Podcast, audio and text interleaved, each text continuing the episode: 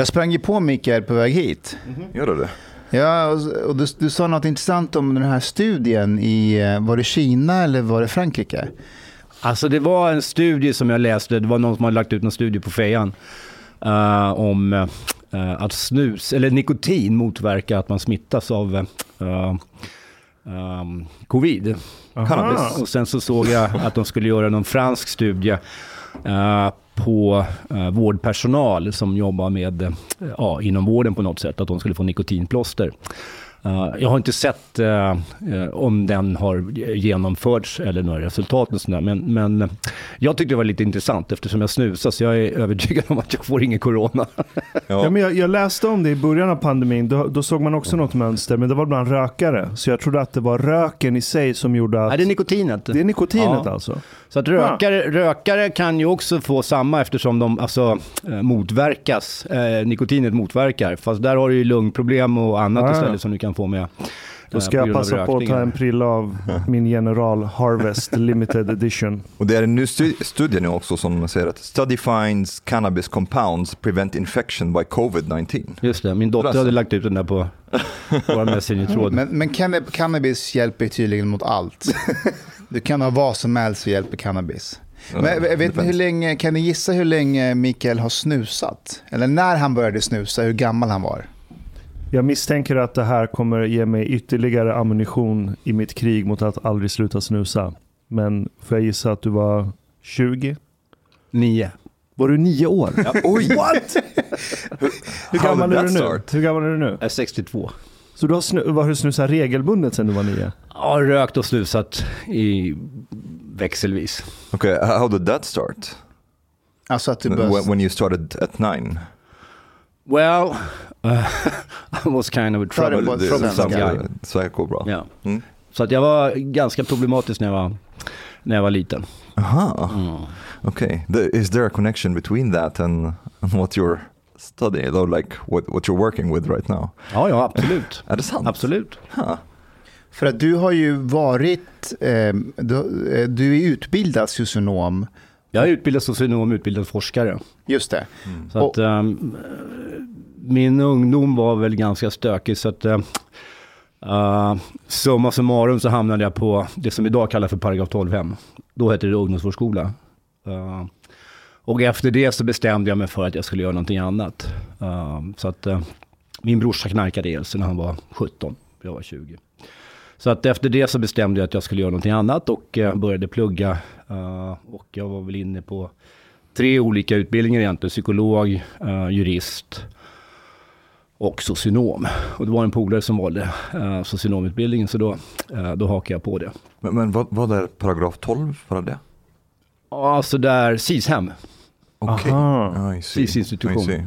Men hö- höll du på med droger också utöver nikotin? Ja. Okej, får man fråga vilka? Eh, hasch. Okej, Eh, så här regelbunden användare då eller? Att du... ja, jag var 12 när jag började med det. Så jag var lite Shit. äldre när jag började snusa. hur, hur gammal var du nu sa du? 59?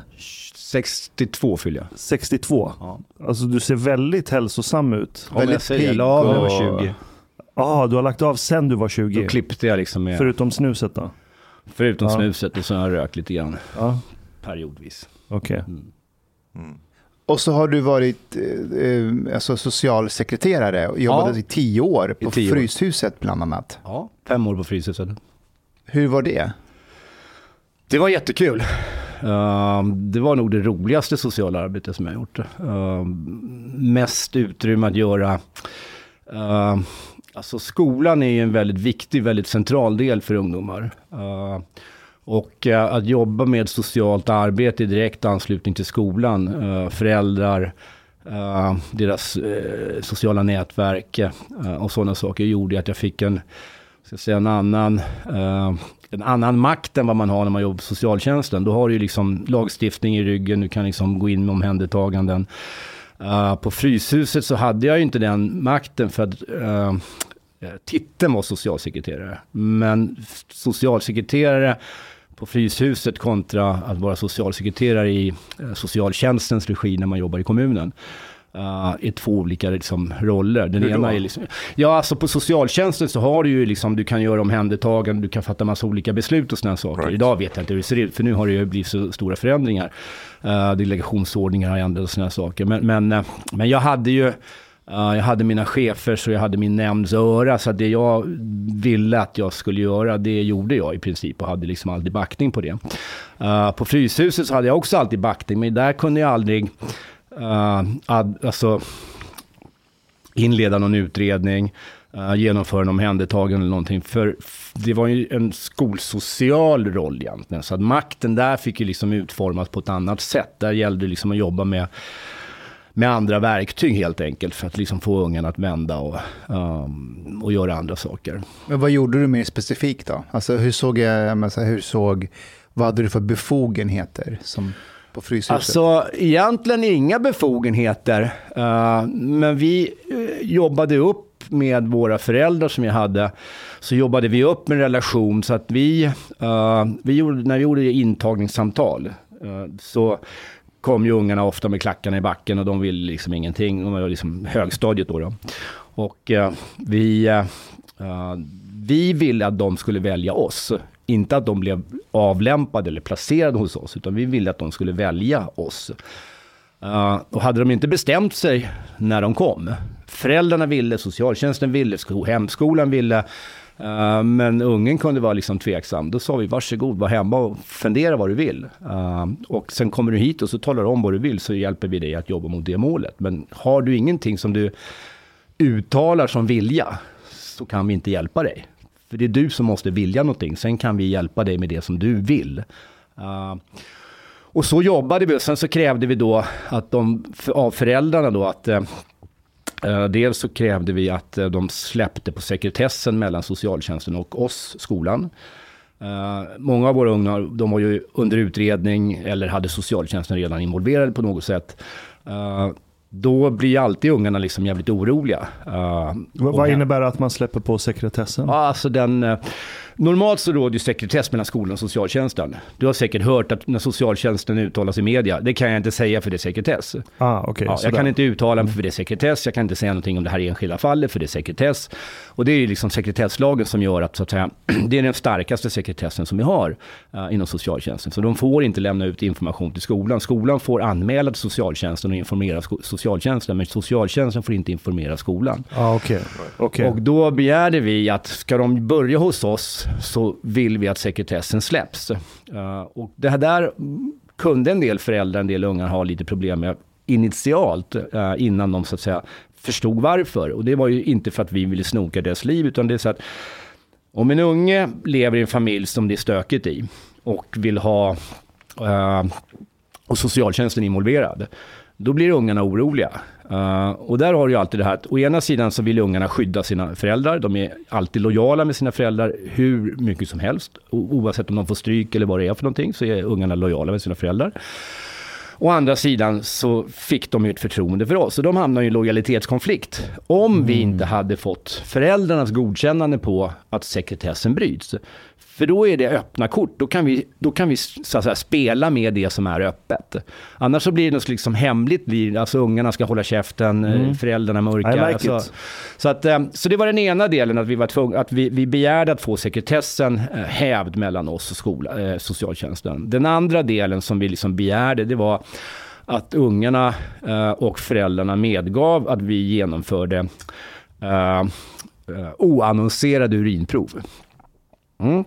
Eh, men det hade vi egentligen inte heller några befogenheter. Så att när vi pratar befogenheter nu så var det här ingenting egentligen som vi kunde eh, tvinga fram. Eh, Det, det här är på Fryshuset fortfarande? alltså? Nej, det här var på Fryshuset. Jag slutade där 2000. Nu är Kan, skolan- kan du bara kort berätta, för det, det är ett, jag vet inte om det finns i andra städer numera, men jag som har växt upp i Stockholm känner ju till Fryshuset väl Ja. och jag har jobbat med dem lite grann Men tidigare. Fryshuset är en stor jävla projektburk egentligen. Mm. Så det är en enorm massa olika verksamheter på Fryshuset. Uh, och när jag jobbade på Fryshuset då fram till 2000 så jobbade jag i två verksamheter. Dels eh, högstadieskolan då, som jag berättat om nu och sen så på eh, kulturskolan som var en säga, mellanvårdsverksamhet. där ungdomarna var placerade av socialtjänsten. Socialtjänsten betalade för platserna. Eh, De kunde gå i skolan, de kunde läsa körkortsutbildning, de kunde eh, Uh, hålla på med musik, alltså mycket kulturutövning. För, för själva högstadiedelen, dit kan ju vem som helst söka till ja, egentligen. det är riktigt. För Från det är inte bara ett placeringsställe. Nej. Eh, För jag kommer ihåg att det fanns ett väldigt välrenommerat basket, liksom en basketinriktning Ja. där. Så många sökte ju sig dit frivilligt. För att de har ju styrkor som andra skolor Men det var en inte har. annan verksamhet. Okej, då är Så jag att- med.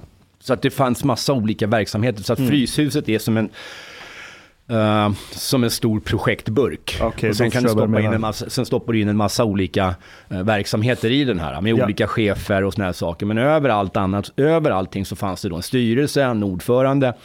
eh, och, sen, och där var ju Karlberg väldigt drivande. Det är grundaren va? Eller? Ja, Karlberg grundade Fryshuset och han, han och Arne Danner grundade, Arne Danner är, eh, han var polis eh, som var då, blev föreståndare för den här skolan. Så att jag och Arne jobbade ihop, eh, eh han polis och jag socialsekreterare. Så att eh, de grundade högstadieskolan och de gick upp till Stockholms politiker och sa att eh, ge oss om det var 10 eller 20 av Stockholms värsta ungdomar så ska vi ge dem bättre och billigare skola än någon annan. I love it. Eh, de fick vad de bad om, men jag tror inte riktigt de fattade vad de hade gett sig in på. Klarar de det då? Nej, det skulle jag inte påstå att de gjorde. Det skulle jag inte påstå att de gjorde. Man måste Eh, vara ambitiös. Ja, men alltså tanken är ju god, men grejen är så här att eh, du kan bygga upp mycket med att bygga relationer med unga och såna här saker. Men du kan inte liksom... eh, kommer en verkstad med en bil som är genomrostig eh, så kan du inte fixa den. Liksom. Vissa saker går inte att, liksom, vissa saker måste man byta ut helt enkelt. Och i vissa bilar går inte att fixa.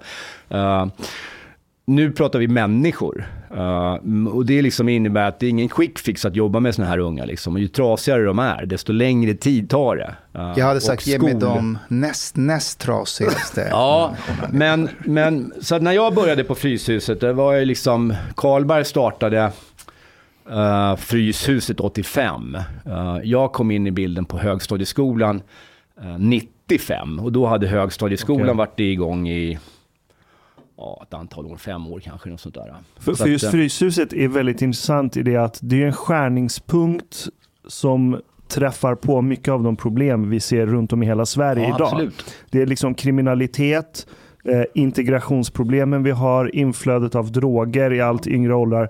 Allt det där får du ju en sample av om du har varit involverad Absolut. i olika verksamheter på Absolut. Fryshuset. Och du själv har spenderat väldigt många år av din professionella tid där. Och du kommer från en liknande bakgrund själv. Ja, Eh, så det är en väldigt unik sits du sitter på. ja. But, but there's a lot of people also who criticize Fryshuset and, and their work and say basically that there is no point in having Fryshuset.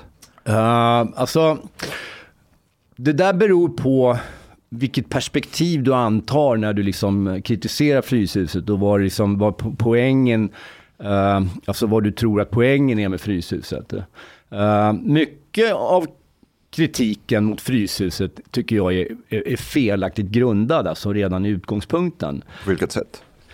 Ja, man förväntar... Alltså, Fryshuset... Eh, det är som om vi tar...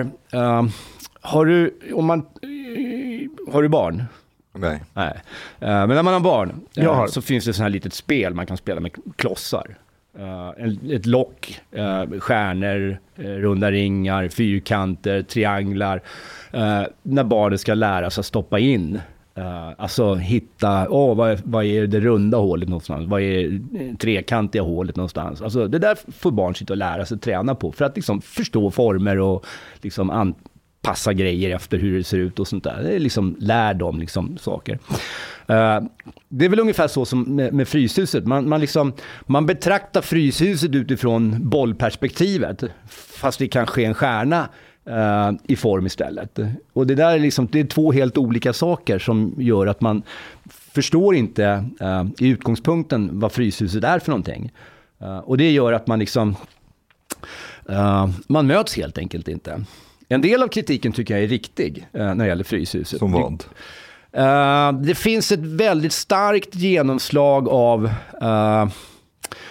idealism och tron på att man kan lösa allting med liksom, idealism eh, och sådana saker. Och det funkar inte. Uh, utan man behöver liksom... uh, man behöver båda delarna. Det som jag tyckte var liksom den absolut viktigaste liksom faktorn med Fryshuset, det var engagemanget. Otroligt engagemang i Fryshuset. Uh, men sen ju längre saker och ting rullar på, då blir det liksom, liksom byråkrati. Det blir, liksom, det blir sin egen liksom, uh, på något sätt. But, but I mean, um, it's, it's of course very good with like putting effort and engagement and so on, but is there evidence that actually they produce results when it comes to, let's say, steering away uh, young people away from uh, a problematic lifestyle or criminality and so on? Is there evidence that this actually happens?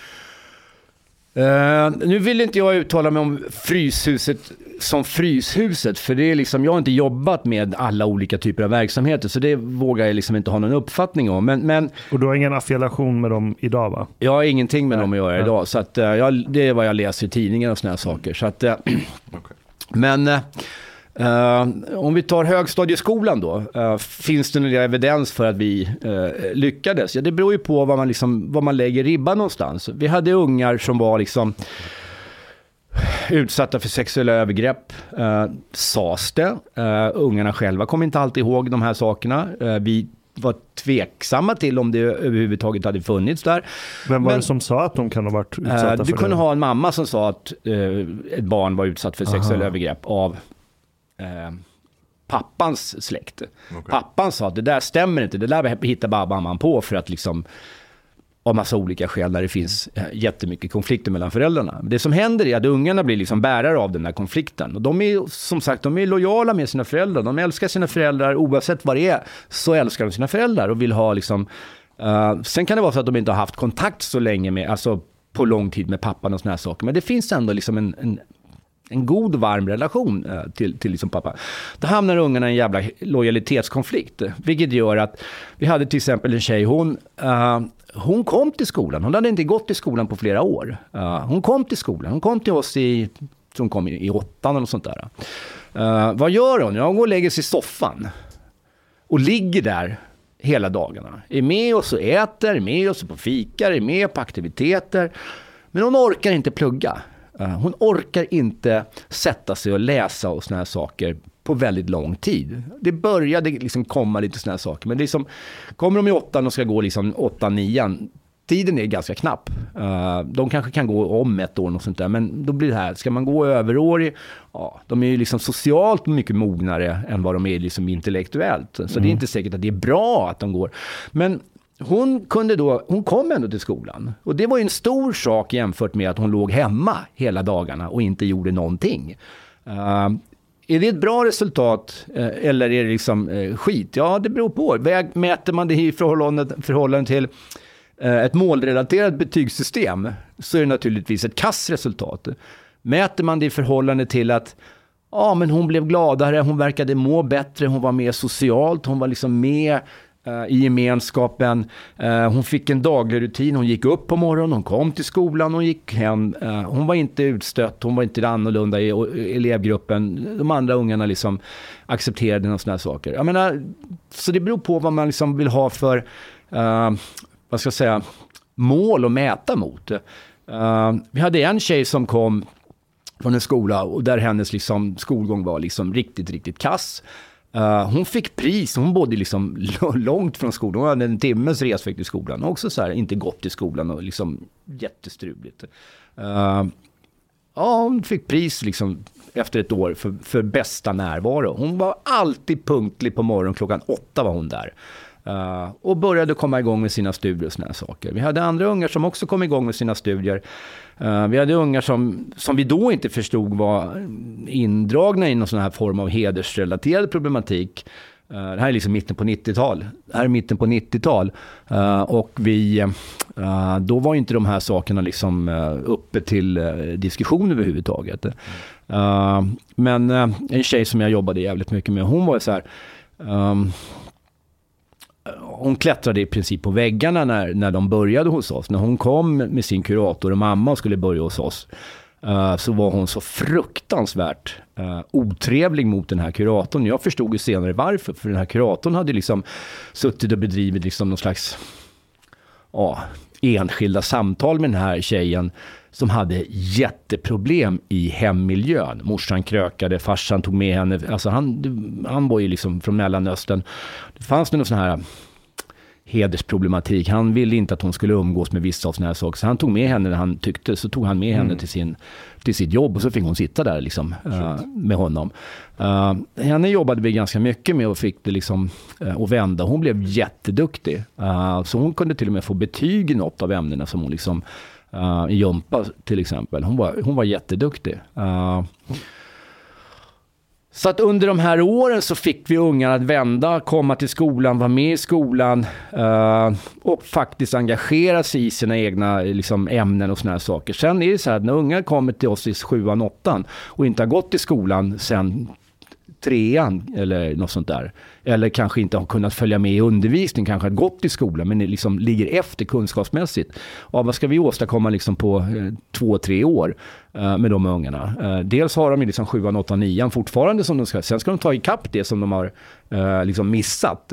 Så att, eh, att sätta, eh, sätta liksom ribban på att de ska få betyg i alla ämnen, det är, liksom, det är nonsens egentligen. Så att vi, vi, vi försökte liksom, ja, nå så långt vi kunde med de här ungarna eh, socialt eh, och skolmässigt eh, och liksom bygga de, de relationer som vi, liksom, som vi gjorde. Uh, så under de här åren så fick vi också klart för oss att många av de här ungarna tyckte att det var bra med de här oannonserade urinproverna. Därför att då kunde de säga till sina polare, men jag kan inte ta för att det är liksom, de, de kan komma och right. göra en oannonserad eh, drogtest i skolan och då åker jag ut. Liksom. Och det köper deras kompisar. Men det är töntigt att säga, nej jag vill inte. Uh, alltså, då tappar de ansiktet inför sina polare. Så att vi blev liksom the bad guy i, i det avseendet. Men det är liksom helt oproblematiskt för oss för vi vuxna, vi kan ta det liksom. The good bad guy. Uh, generally speaking, uh, my perception of what society cares about right now when it comes to the efforts from uh, the social socialtjänsten or like anything that the state can do really is one to reduce criminality two that young people i orten get their shit together lyckas med skolan skaffa sig en utbildning in order to be able to get a job eventually. And also honor culture, eller hedersförtryck. And they care about these questions in, in different degrees. Um, and uh, the first time actually I, I heard about you uh, when you were in Aktuellt.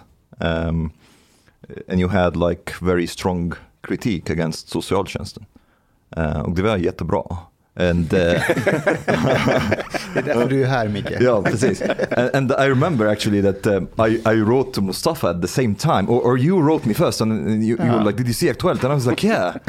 There was this, this, uh, this guy was like really sharp. Jag tror jag skrev till Mikael samma kväll ja, eller ja. dagen efter. Kan vi inte lyssna på den? Den är ganska kort för att bara fräscha ja, upp minnet absolut. lite. Socialtjänsten har inte kompetens och det var en annan sak som jag eh, tänkte komma till. Så att dels så har vi själva problemet med de här familjerna som, där problemen kan uppstå ganska tidigt. Eh, sen då när social myndighet ska gå in eh, och jobba med de här familjerna med den kompetens som man har som inte är tillräcklig på långa vägar. Vad är det som saknas? Ja, det är ganska mycket som saknas egentligen. socialarbetare i sin utbildning läser ingenting om kriminologi, de läser alldeles för lite juridik. Eh, de har ingen kulturkompetens därför att utbildningarna innehåller inte kulturkompetens, eh, vad ska jag säga, teori kring eh, olika typer av familjer som kommer från massa olika länder. För det är en omöjlighet att innehålla så mycket på en generalistutbildning. Och det är någonting som i så fall skulle behövas arbetsgivarna utbilda dem vidare i. Mm, vad säger du? Ni har inte rätt kompetens. Jag måste ändå säga att jag tycker man har gjort ganska mycket nu senaste åren kring kompetens för att stärka kompetensen för de som jobbar i barn och ungdomsvården. Man har något som heter Yrkesresan där man liksom vänder sig både till de som är relativt nya i yrket. Det är inte mer som sägs där. Men, men hon jobbade, eh, hon var väl ordförande eller? Hon är vice ordförande för Sveriges eh, socialchefersförbund och sånt där. Eh, Um, en chefsorganisation för, för chefer inom socialtjänsten. Uh, och sen så är hon uh, någon chef ganska högt upp i, mm. i Huddinge. Men hur populär är du bland socialtjänsten och socialarbetarna idag? Du är ju en dissident nu. Alltså det varierar lite ska jag säga. Jag får, det är väl ungefär som på, liksom, bland mina studenter på socionomutbildningen jag var på SU. Uh, en del hatar mig. uh, Får du mycket och- hot och hat från socialarbetare? Ja, inte, från, inte, inte från, från socialtjänsten, men från studenter kunde jag få det. Och en del studenter eh, älskar mig och tycker att jag är, liksom, eh, är det bästa som finns. Vad, vad var det för sorts eh, kritik eller hot och hat du kunde få från studenter? Bara att de mejlade dig eller Nej, alltså dig? en del tycker att jag är en fascist, att jag är en förtryckare, att jag är en härskartyp. Så att eh, det här inslaget, det här inslaget är ganska kul, för jag har en student som, som jag har kontakt med fortfarande, som är kompis med på, på Facebook. Eh, han skickade mig eh, ett utdrag av en, en, eh, en grupp som han är med i. Eh, och då var det liksom Tärnfall, bara man ser dem, det lyser härskartekniker om honom. Eh, och jag förstod ju inte riktigt vad jag, vad jag gjort för att liksom ha härskarteknik när jag är med Aktuellt. Liksom. Jag är där för att uttala mig. Eh, och jag delade inte liksom, eh, hennes uppfattning. Det intressanta var att vi hade ju ganska mycket lika uppfattningar eh, innan vi gick in i sändning. brukar vara Det så. brukar vara Så så. att, ja. Men från socialtjänstens sida så får jag, det är väl ingen som hatar mig direkt, annat än då mina gamla studenter som är, eh, som nu är utbildade. Men många är liksom tycker att uh, jag har rätt, de håller med mig, Uh, de tycker att det är helt rätt det jag säger. Uh, det är ett fåtal som har hört av sig med liksom, uh, ifrågasättanden och, och kritik och sådana saker. Jag tror att så här, att under utbildningen så, så vill många studenter höra bara att det är bra, att man går en bra utbildning, att allting är liksom, uh, man har möjlighet att göra sådana saker. Eh, och jag brukar lyfta att det är ganska problematiskt. Eh, ni kommer sticka in huvudet i en ganska besvärlig värld och ni, liksom, det, det är liksom, eh, ni kommer att vara ganska illa omtyckta. Folk kommer inte göra vågen när ni kommer. Alltså, försöker liksom förbereda dem på, vad, liksom, på jobbet. Jag måste bara säga att jag känner igen det där väldigt mycket från polisutbildningen. Ja, Att eh, när man går polisutbildningen så är man i en slags smekmånadsfas. Du vill bara höra positivt om polis som yrke. Ja, ja, det kan jag tänka mig. Och så fort kriminologer på vår utbildning var rätt allmänt kritiska mot poliser och polisorganisationer och sådär. Och vi tyckte inte om dem just för att vi tyckte de var för negativa, för vi ville ut och jobba och, och sådär. Men sen när man kommer ut så märker man att okej, det vi lärde oss på Polishögskolan teoretiskt sett jättebra grund att stå på, men ute i verkligheten, det är mycket som är grått. Ja, mycket gråzoner. Men va- varför gör man så här med just sociologiskt inriktade utbildningar? Det är inte som att när man utbildar läkare så säger man att alla kommer göra vågen för er, alla ni träffar kommer vara friska, ni kommer bara gå dit och säga hej till patienten och så kommer allting vara frid och fröjd. Medan verkligheten är väldigt brutal beroende på vilken sorts läkare du jobbar som. utbildningarna styrs inte av människor som har jobbat särskilt mycket med socialt arbete. Mm. Eh, och framförallt inte det som jag har eh, jobbat med. Det är ganska apart eh, liksom, eh, område inom, eh, skulle jag säga, de flesta socionomutbildningar vad jag känner till. Nu känner jag inte till alla såklart, men, men, men av vad jag har sett så är det ett ganska apart område. Jag satt med på en forskarkonferens för några år sedan. Eh, och då, det var ganska intressant, för det var sex av Stock, eller Sveriges socialhögskolor som var representerade på den här. Uh, och då gick de igenom uh, varje socialhögskola, alltså forskarna då gick igenom den forskning som har bedrivits sedan den här eh, högskolan då började med socionomutbildning. Eh, och alla doktorsavhandlingar som har producerats eh, under de åren. Det var ganska intressant. Jag tror jag räknade till tre avhandlingar som handlade om ungdomar och brott, varav min avhandling eh, var en av dem. Eh, så det är, liksom, det är ett extremt litet antal forskare som, som är intresserade av det här området. Och det gör ju att eh, och det ser nog likadant ut på liksom alla områden. Alltså det är som en an- huggsexa liksom om vad, vilka ämnen som ska vara. Alltså, Men vad handlade de andra avhandlingarna om då? ja, det kan vara allt möjligt. Eh, det kan vara i princip vad som helst. Eh, Som var då?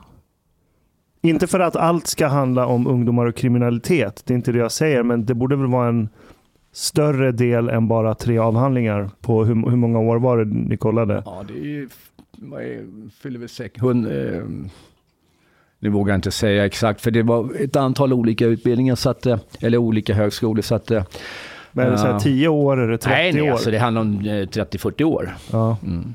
Okay, so so if I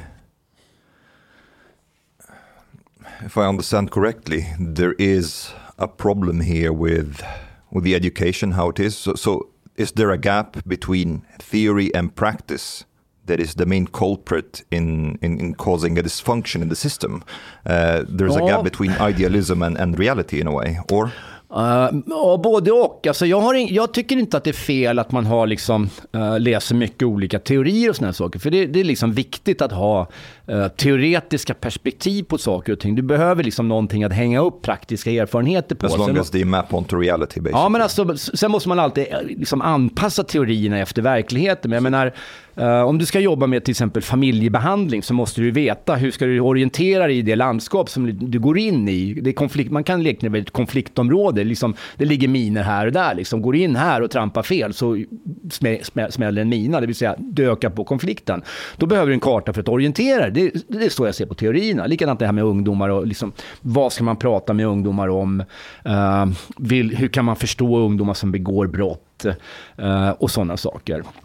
Så att teori är liksom inget eh, problem i sig, utan problemet blir att det är dålig eh, för det första är det för lite, eh, för kort utbildning eh, så för det mycket komplexa arbete som socialarbetare ska genomföra. Så att min kritik måste ju, när det gäller socialtjänsten, ska ju inte egentligen uppfattas som att den är riktad mot enskilda socialarbetare, utan det är egentligen systemfel. Okay, so i- if we s- um, if you try maybe to guide us a little bit, give us a like a ground course in your criticism against socialtjänsten and what should be done in your opinion. Och några exempel från verkligheten kanske. Ja. Alltså... Vi hade till exempel en utbildning, eh, en kurs som handlade om utredningar i socialt arbete. Det var en eh, sexpoängskurs som låg på termin, eh, termin fyra. Den behandlade då, jag menar det är sex poäng, det är liksom, vad är det, fyra, fem veckor liksom. Eh, så det är liksom inget, inget djupgående, men det gav ändå liksom en karta på uh, sociala problem och hur man kan angripa dem utredningsmässigt. Hur man ska utreda så att säga. Uh, hur man ställer frågor, alltså frågor som ska utredas. Så att det är viktigt att man liksom ställer uh, relevanta frågor, att man följer upp de frågorna som man ställer och får svar på de här frågorna som mynnar ut då i en analys av problemen som man har så att säga eh, tagit sig an i den här utredning, eh, utredningen och sen eh, titta då på vad finns det för olika eh, metoder för att jobba med den här typen av problematik. Till exempel en missbruksutredning så kunde du då använda eh, den här Addiction Severity Index, ASI till exempel, som man använder som teori, liksom modell för att utreda. Uh, jobbar man med unga lagöverträdare så kunde man liksom använda sig av de olika teorier som finns i, liksom, när det gäller unga lagöverträdare. Varför, teorier om varför unga begår brott och sådana saker. Så att det här var en sån, en sån kurs. Eh, den la man ner på vår utbildning eh, därför att man tyckte att ingenting är så bra att det inte kan göras bättre. Och sen så på grund utav, som jag ser det, att man, man ville ha sina fyra tunga forskningsämnen Eh, ge dem större utrymme i utbildningen och då får andra saker stryka på foten. Så resultatet blev då att man tog, bort en fungerande kurs. Eh, så nu, nu finns det ingen kurs eh, på Socialhögskolan i Stockholm som är en, utrednings, en renodlad utredningskurs. Det innebär att när vi utbildar våra socionomer då går de ut utbildningen och kan inte utreda.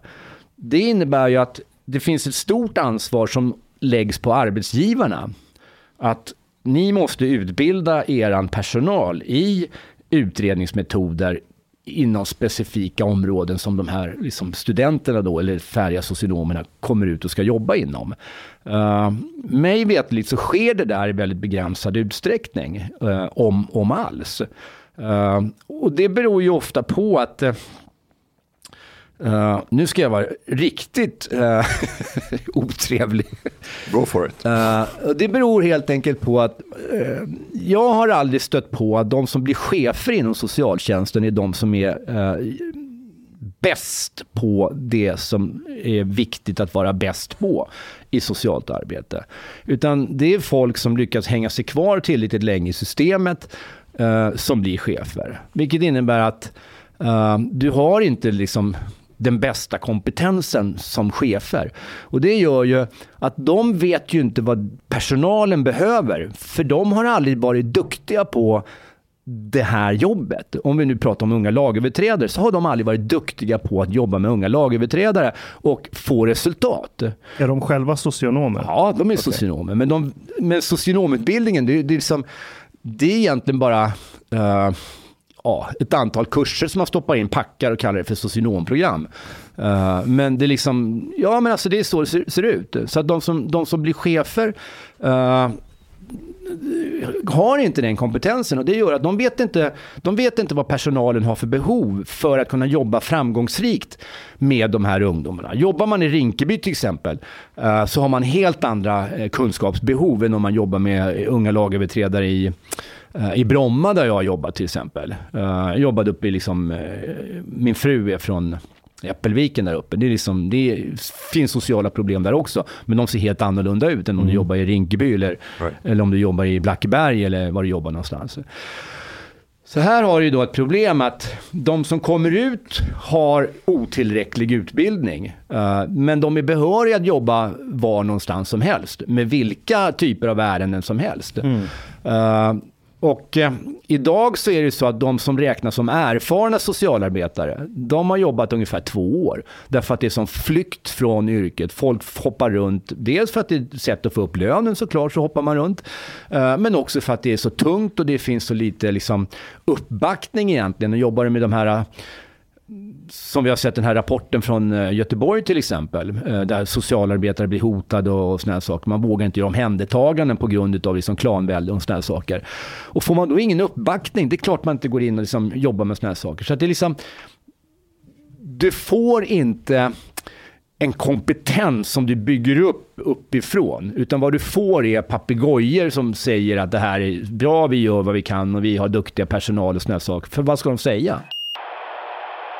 Får jag fråga dig, eh, när du är på utbildningen och, och träffar elever på socionomutbildningen. Studenter. Studenter. Eh, den generella liksom, studenten, eh, vem är hen och var kommer hen ifrån och vad, vad har den för uppfattning om världen och, och yrket?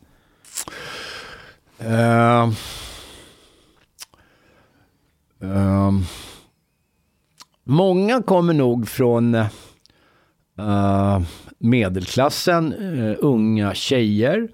Uh, en del, har, uh, en del har ju egna problem. Det är inte alltid de är öppna med de sakerna, men de har upplevt egna problem liksom under, på olika sätt.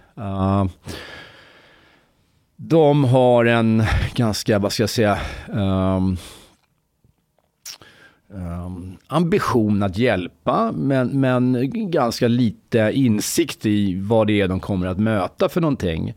Um, sen vill jag nog säga att det har nog skett en förändring över tid. För att när jag började uh, på i början av 2000-talet, min forskarutbildning, uh, 2001, så såg studentpopulationen annorlunda ut än vad den gör idag. Och det beror på att det liksom, tidigare var det äldre som kom in också. Eh, som hade jobbat en del år, som hade livs, arbetslivserfarenhet och sådana här saker. Nu är det ju liksom, majoriteten kommer från gymnasiet, uh, går direkt från gymnasiet rätt in på utbildningen. Och, Um, många vill bli terapeuter. Um, så att det, är liksom, det är väldigt få egentligen som vill jobba med um, tungt socialt arbete, vilket jag inte har svårt att förstå uh, alls.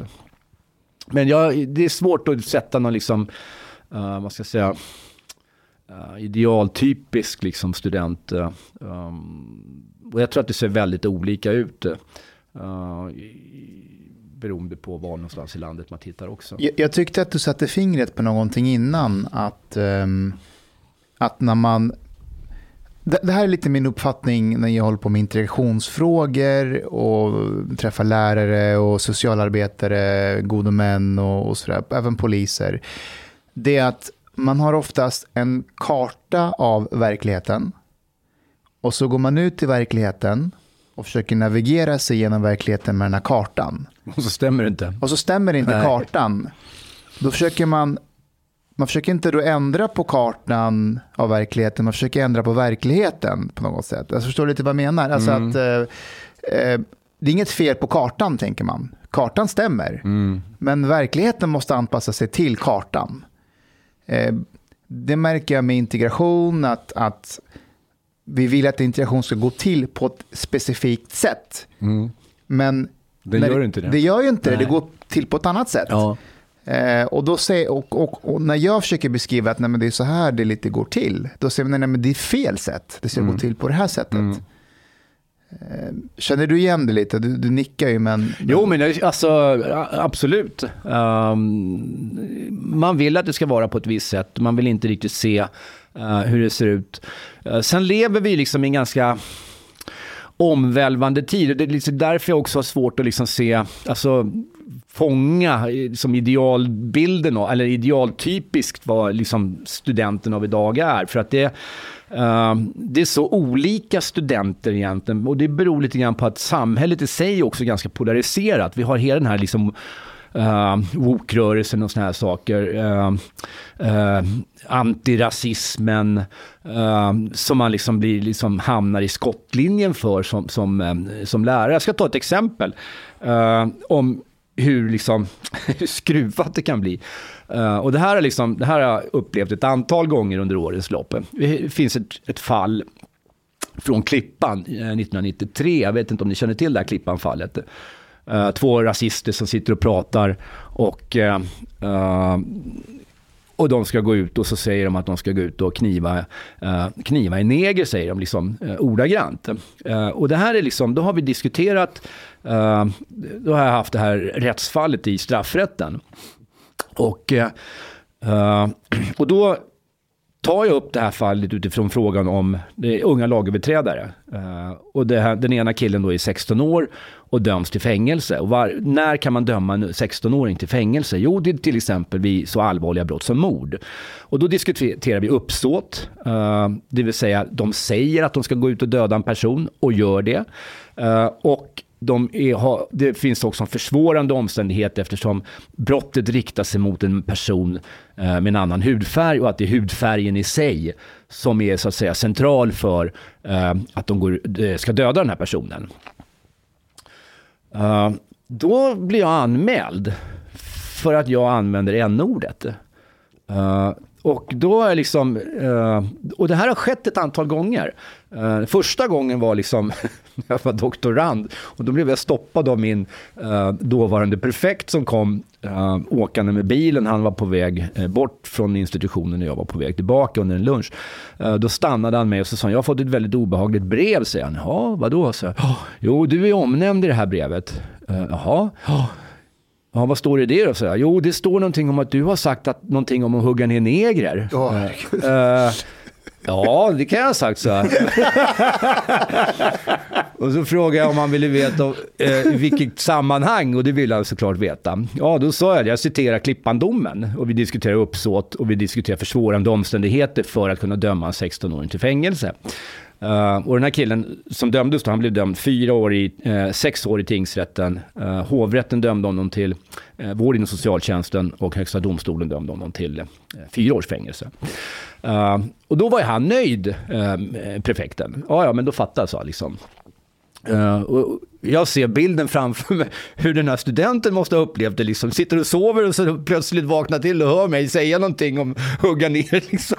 Och, så, och, och, tror att jag står där och propagerar för att man ska liksom hugga ner. Eller opportunistiskt vill få utlopp för sin aktivism. Ja, jag vet inte. Men ja, Det det, här kan vara så. Ja, it, så it kan det vara. of this uh, this example. Uh, I can't remember which which company it was when um, I think it was like the chairman or something who, who are like basically giving people directive Netflix. about was it Oh. uh-huh and they, was he like saying that the word retard should not be used is the same thing and you should not like use the word nigger or something like that either and then he got basically he had to go Ja, alltså det, var, net, det he- var en Netflix-chef som kallade till ett möte om hur problematiskt det är att man använder n-ordet Ja. på Netflix på olika sammanhang. Då fick han sparken för att, För att han använder det. För att han använder n-ordet. n-ordet under mötet. Ja, ja. ja, men i alla fall. Så att, så att, och senaste gången så vart jag liksom anmäld av studenter. Och då, liksom, då såg jag att det liksom på utvärderingen. Jag brukar gå in och titta på utvärderingen och se hur, liksom, hur resonemangen går bland studenterna när de har haft kurs. Och, eh, och då var jag inne och tittade och då var det återigen eh, någon student som uppfattade, eller som beskriver att när jag har citerat det här fallet, att jag står och alltså, pratar om mina egna åsikter. Alltså ungefär som att det var en åsikt som jag hade. Eh, Vilken åsikt då? om man hugga ner eh, den här personen med en, alltså när jag citerar domen med hugga ner och sen n-ordet, eh, så uppfattar jag liksom, och du ser vad krångligt det blir när man ska prata om en sån här och inte kan använda ordet. Eh, för då blir det liksom, eh, man måste liksom kretsa som Ja. katten kring het gröt. Och därför så har jag försökt att använda ordet istället, bara för att illustrera så att säga, med exemplet. Varför kan man döma en 16-åring till eh, fängelse? Jo, därför att han använder n-ordet och ska hugga ner någon och sen Eh, och det är liksom uppsåtligt eh, mord. Men, men då, då gick jag ut på den här utvärderingen och gick ut med ett allmänt utskick till studenterna och sa att men snälla ni, det här är inte mina åsikter. Jag citerar den här domen för att ni ska förstå så att säga de rättsliga grunderna för att en 16-åring kan bli dömd till fängelse. Försvårande omständighet genom att han använder det här ordet och det är då eh, blir ett rasistiskt brott och sen så att det är liksom uppsåtligt mord. Ja, då fick jag ett mejl från eh, liksom 5-10 studenter och då drog de hela det här Oh, jag är vit, eh, medelålders man eh, som är ansvarig för eh, kolonialiseringen eh, nere i liksom, eh, Hela världen. hela världen. Så jag har inte ens rätt att ta det ordet i min mun. Jag bara så här, okej fine. Så jag har lagt ner, eh, jag har lagt ner väldigt... N-ordet. Ja, alltså jag gör så här att jag lägger ner och använder inte sånt som kan vara stötande. Så jag har... eh, jag friserar min undervisning eh, för att folk inte ska väcka, eh, ta anstöt. Men det gör ju att de får en sämre utbildning. Men då är alla glada och nöjda istället. Men om vi ska vara lite djävulens advokat, tror du att det har förekommit att det finns en riktig rasist, alltså som verkligen hatar svarta personer och vill väldigt gärna använda n-ordet och har utbildat sig till professor för någon och, och läst på om Klippanfallet och står och föreläser för att kunna säga n-ordet lite ibland. Det var så Hitler gjorde. Han blev Ja, socionom. I deras värld Ganska lång väg att ta sig för att kunna säga Ja, men n-ordet. han, han är väldigt engagerad. Han vill verkligen säga n-ordet. But uh, a question that um, something that we read and, and uh, read about and hear often about is that there's also some kind of like a problem of trust i utsatta områden from the parents to a socialtjänsten uh, that the socialtjänsten like quite often like offers their services in the beginning and so on and the parents they don't want to and there is I don't know if this is if this is a myth or it seems that a lot of parents i utsatta områden they are afraid that socialtjänsten would take their kids away from them. Ja, ja, men alltså, och det är ingen, det är ingen myt. Jag lyssnade på en forskare, Uh, en kille som heter Riyad Al-Baldawi. Vet inte om ni känner till honom. Uh, men han är psykiatriker, han har jobbat mycket med, Uh, han kommer själv från uh, Irak, tror jag det är. Och har jobbat mycket med missbrukare från Mellanöstern. Inriktat på det. Och jag, lyssnade, jag var på en föreläsning hos honom, för honom, det måste ha varit när jag var på Fryshuset, eh, i slutet av min period på Fryshuset. Eh, så det måste ha varit någon gång 98, 99 något sånt där. Eh, och då pratade han om hur människor från Mellanöstern är rädda för myndigheter. Eh, därför att myndigheterna i de länderna eh, är inte som myndigheter i Sverige. Ja, jag kommer från Egypten förresten. Ja, men just det, då vet du. Eh, nej, men och det innebär ju att Eh, det finns ju en, en, ett grundläggande misstroende mot myndigheter hos människor redan när de kommer. Eh, och, eh, och dessutom så finns det ju en gammal, en gammal vad ska jag säga, uppfattning eller en gammal rädsla också i Sverige att passa dig för att annars kommer socialtjänsten att ta dina barn. Eh, det här har man ju skrämt barn med uh, sen lång tid tillbaka. Eh, och det är väl inte helt liksom, Skrämt barn eller skrämt föräldrarna med? ja, skrämt både barn och föräldrar. Alltså föräldrarna säger till sina barn, uppför annars så kommer socialtjänsten att ta det, eller barnavårdsmyndigheterna hette det på den tiden. Och, och, och, och, och det är en uppfattning som kan ha liksom vuxit fram under tiden, därför att vilka vilka är det som blir omhändertagna? Ja, det är ju i regel arbetarklassens barn eller de som är, liksom, eh, har ännu sämre ställt. Så att det finns ju liksom en komponent i det här som är, liksom, tycker jag, helt relevant. Att människor är rädda för socialtjänsten. But then they can take it to the extreme sometimes because, for example, uh, i boken Tills alla dör, Ja, uh, there's like a lot of like parents who are saying that basically like they don't dare to try to discipline their, their children. They think even if they would raise their voice a little bit, that socialtjänsten would come. Like the, the children can go to socialtjänsten and say, well, my like my parents, they shouted at me. And socialtjänsten can come and Ja. take the parents because och ungar kan ju också hota sina föräldrar med att de tänker anmäla dem för socialtjänsten om de gör si eller så. Så att jag menar, det finns ju, det finns ju eh, och, och den hotbilden är väl egentligen inte eh, så relevant idag. Alltså det är inte så att socialtjänsten bara kommer och liksom tar ungarna. Men, men jag hade en, en mamma en gång som jag träffade eh, som jag tycker illustrerar det här ganska bra. Hon, hennes son hade snott en bil. uh, han var 15 år. Jag skulle skriva ett yttrande så jag kallade uh, mamman och sonen till ett möte. Eh, och hon kom själv först. Och det tog tre, fyra möten innan vi kunde börja prata om det vi skulle prata om. Därför att hennes bild, det hon satt med i huvudet, det var att hon skulle möta en 40-årig kärring som satt med lagboken under armen och skulle tala om för henne hur jävla dålig morsan var. Uh, vilket innebar att jag var ju tvungen att ta mig igenom hennes rädsla först. Uh, hennes föreställning om vad hon skulle möta istället för det hon mötte. Vi var tvung, jag var tvungen att liksom vänta in henne innan jag kunde börja jobba med det som jag skulle börja jobba med. Uh, och gör man inte på det sättet, om man inte tar sig igenom de här sakerna som människor är rädda för innan man börjar jobba med det man behöver jobba med, då lever den här liksom skräcken, den här eh, misstroendet mot myndigheten kvar därför att de människor får inte utrymme för att titta på sin rädsla och se att den kanske inte är eh, befogad.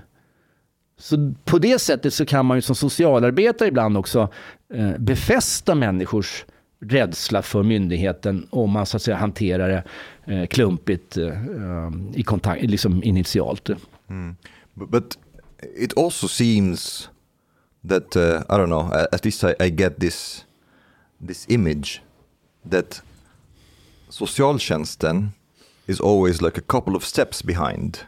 Like they start a bit too late. Like um, and when they they start to like for example and this is something that's also confusing a little bit like there's like too much too many hem familjehem ungdomshem cishem like uh, sometimes it's like difficult to know what is what like the difference between like wh- which one uh, which of them are slutenvård which which of them are up and ward, and so on so is it possible that basically there should be a bit more drastic measures taken at a more early age in order to prevent kids from basically getting into a criminal life or Det där är en jättesvår fråga. Jag är inte säker på att det är...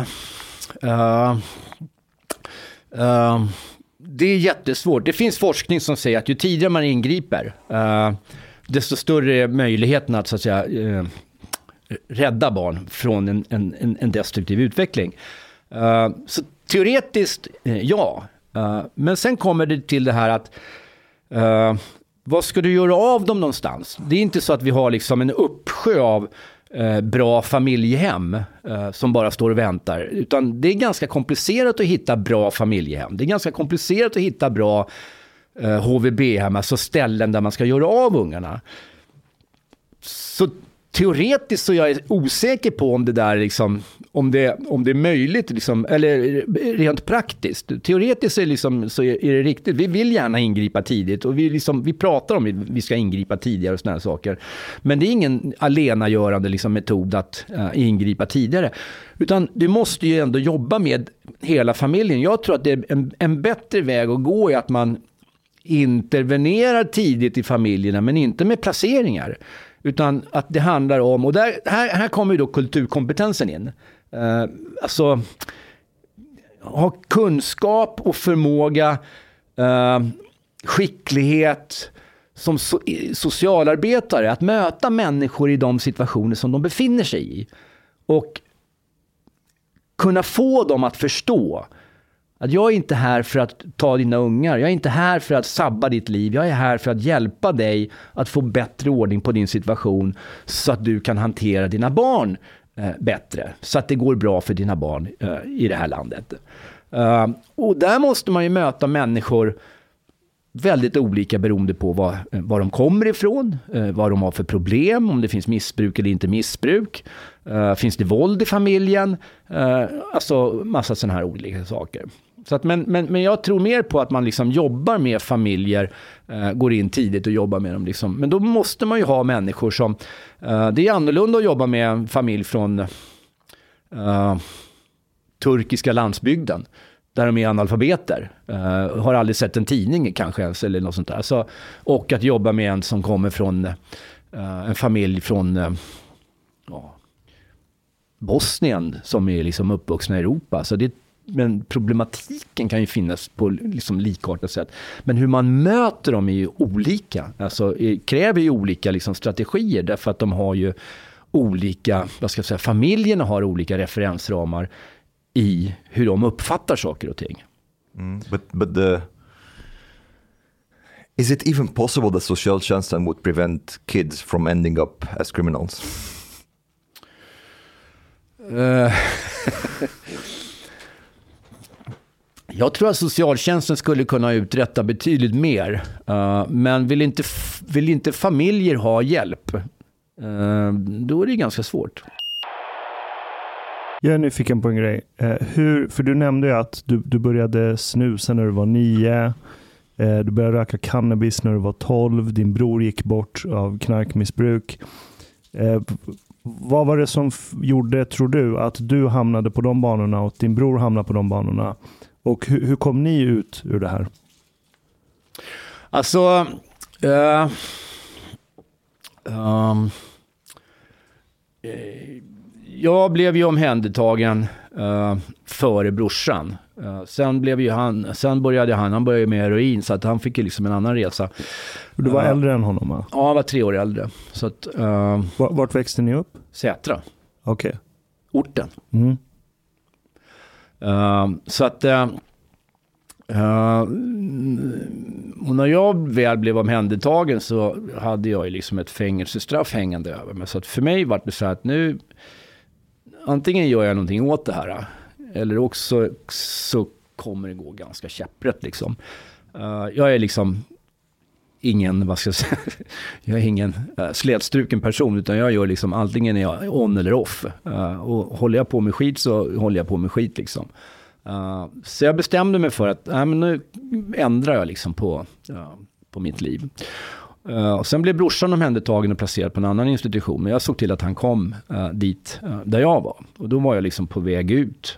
då hade jag liksom brutit med alla mina polare. Um, och, och bestämt mig för att jag skulle liksom börja plugga. gå in på folkhögskola, läsa upp mina betyg. Um, och men, men, hur hamnade du där från början tror du? Var, var det frånvarande föräldrar? Var det dåliga förebilder? Alltså, det är en ganska, alltså, Eh, enkelt uttryckt så var det så här, det var mycket våld, eh, mycket fylla i min familj. Eh, min mamma höll på med ganska mycket såna självmordsförsök som var primärt riktade mot mig för att jag, hon tyckte inte att jag brydde mig om henne tillräckligt mycket. Så att, eh, För att ge dig skuld då eller? Ja, det var ju liksom, eh, det sa hon. Eh, hon sa inte att det var för att ge mig skuld, men hon sa att det var för att inte jag brydde mig om henne tillräckligt när hon var gammal för några år sedan, innan hon dog. Så sa hon uttryckligen att det var för att inte du brydde dig om mig tillräckligt mycket. Så att så att det var ju liksom, så att jag, jag ägnade min tid åt att Eh, Eh, jag var ganska bra på idrott liksom, men sen när den liksom föll bort. Uh, min pappa och mamma skilde sig och han flyttade och, uh, och där föll väl liksom mycket av min liksom, uh, stabilitet i tillvaron och då var det liksom mycket, mycket droger um, och ja. Så att när jag väl blev omhändertagen så vart det liksom ett stopp och där, där um, kom jag till liksom insikt att ja, men jag, jag måste liksom vända och jag hade bra personal runt mig. Så jag är förmodligen ett av de mest lyckade ungdomsvårdsskolefallen i historien. Uh, men jag, jag, bestämde mig för att uh, nu liksom bryter jag. Så jag klippte med alla mina polare, jag blev helt nykterist. Uh, och jag bestämde mig för att jag skulle plugga upp mina betyg. Och då, några år tidigare så hade jag liksom tagit mitt betyg och bara rivit liksom i bitar och sagt aldrig mer skolan. Liksom. Jag gick ut nian med 1 och 6 i snitt. Så det var liksom ettor och streck. Typ en enstaka trea här och där. Det slår mig när jag lyssnar på dig att du säger jag bestämde mig. Ja, men det är riktigt. Jag... Ja.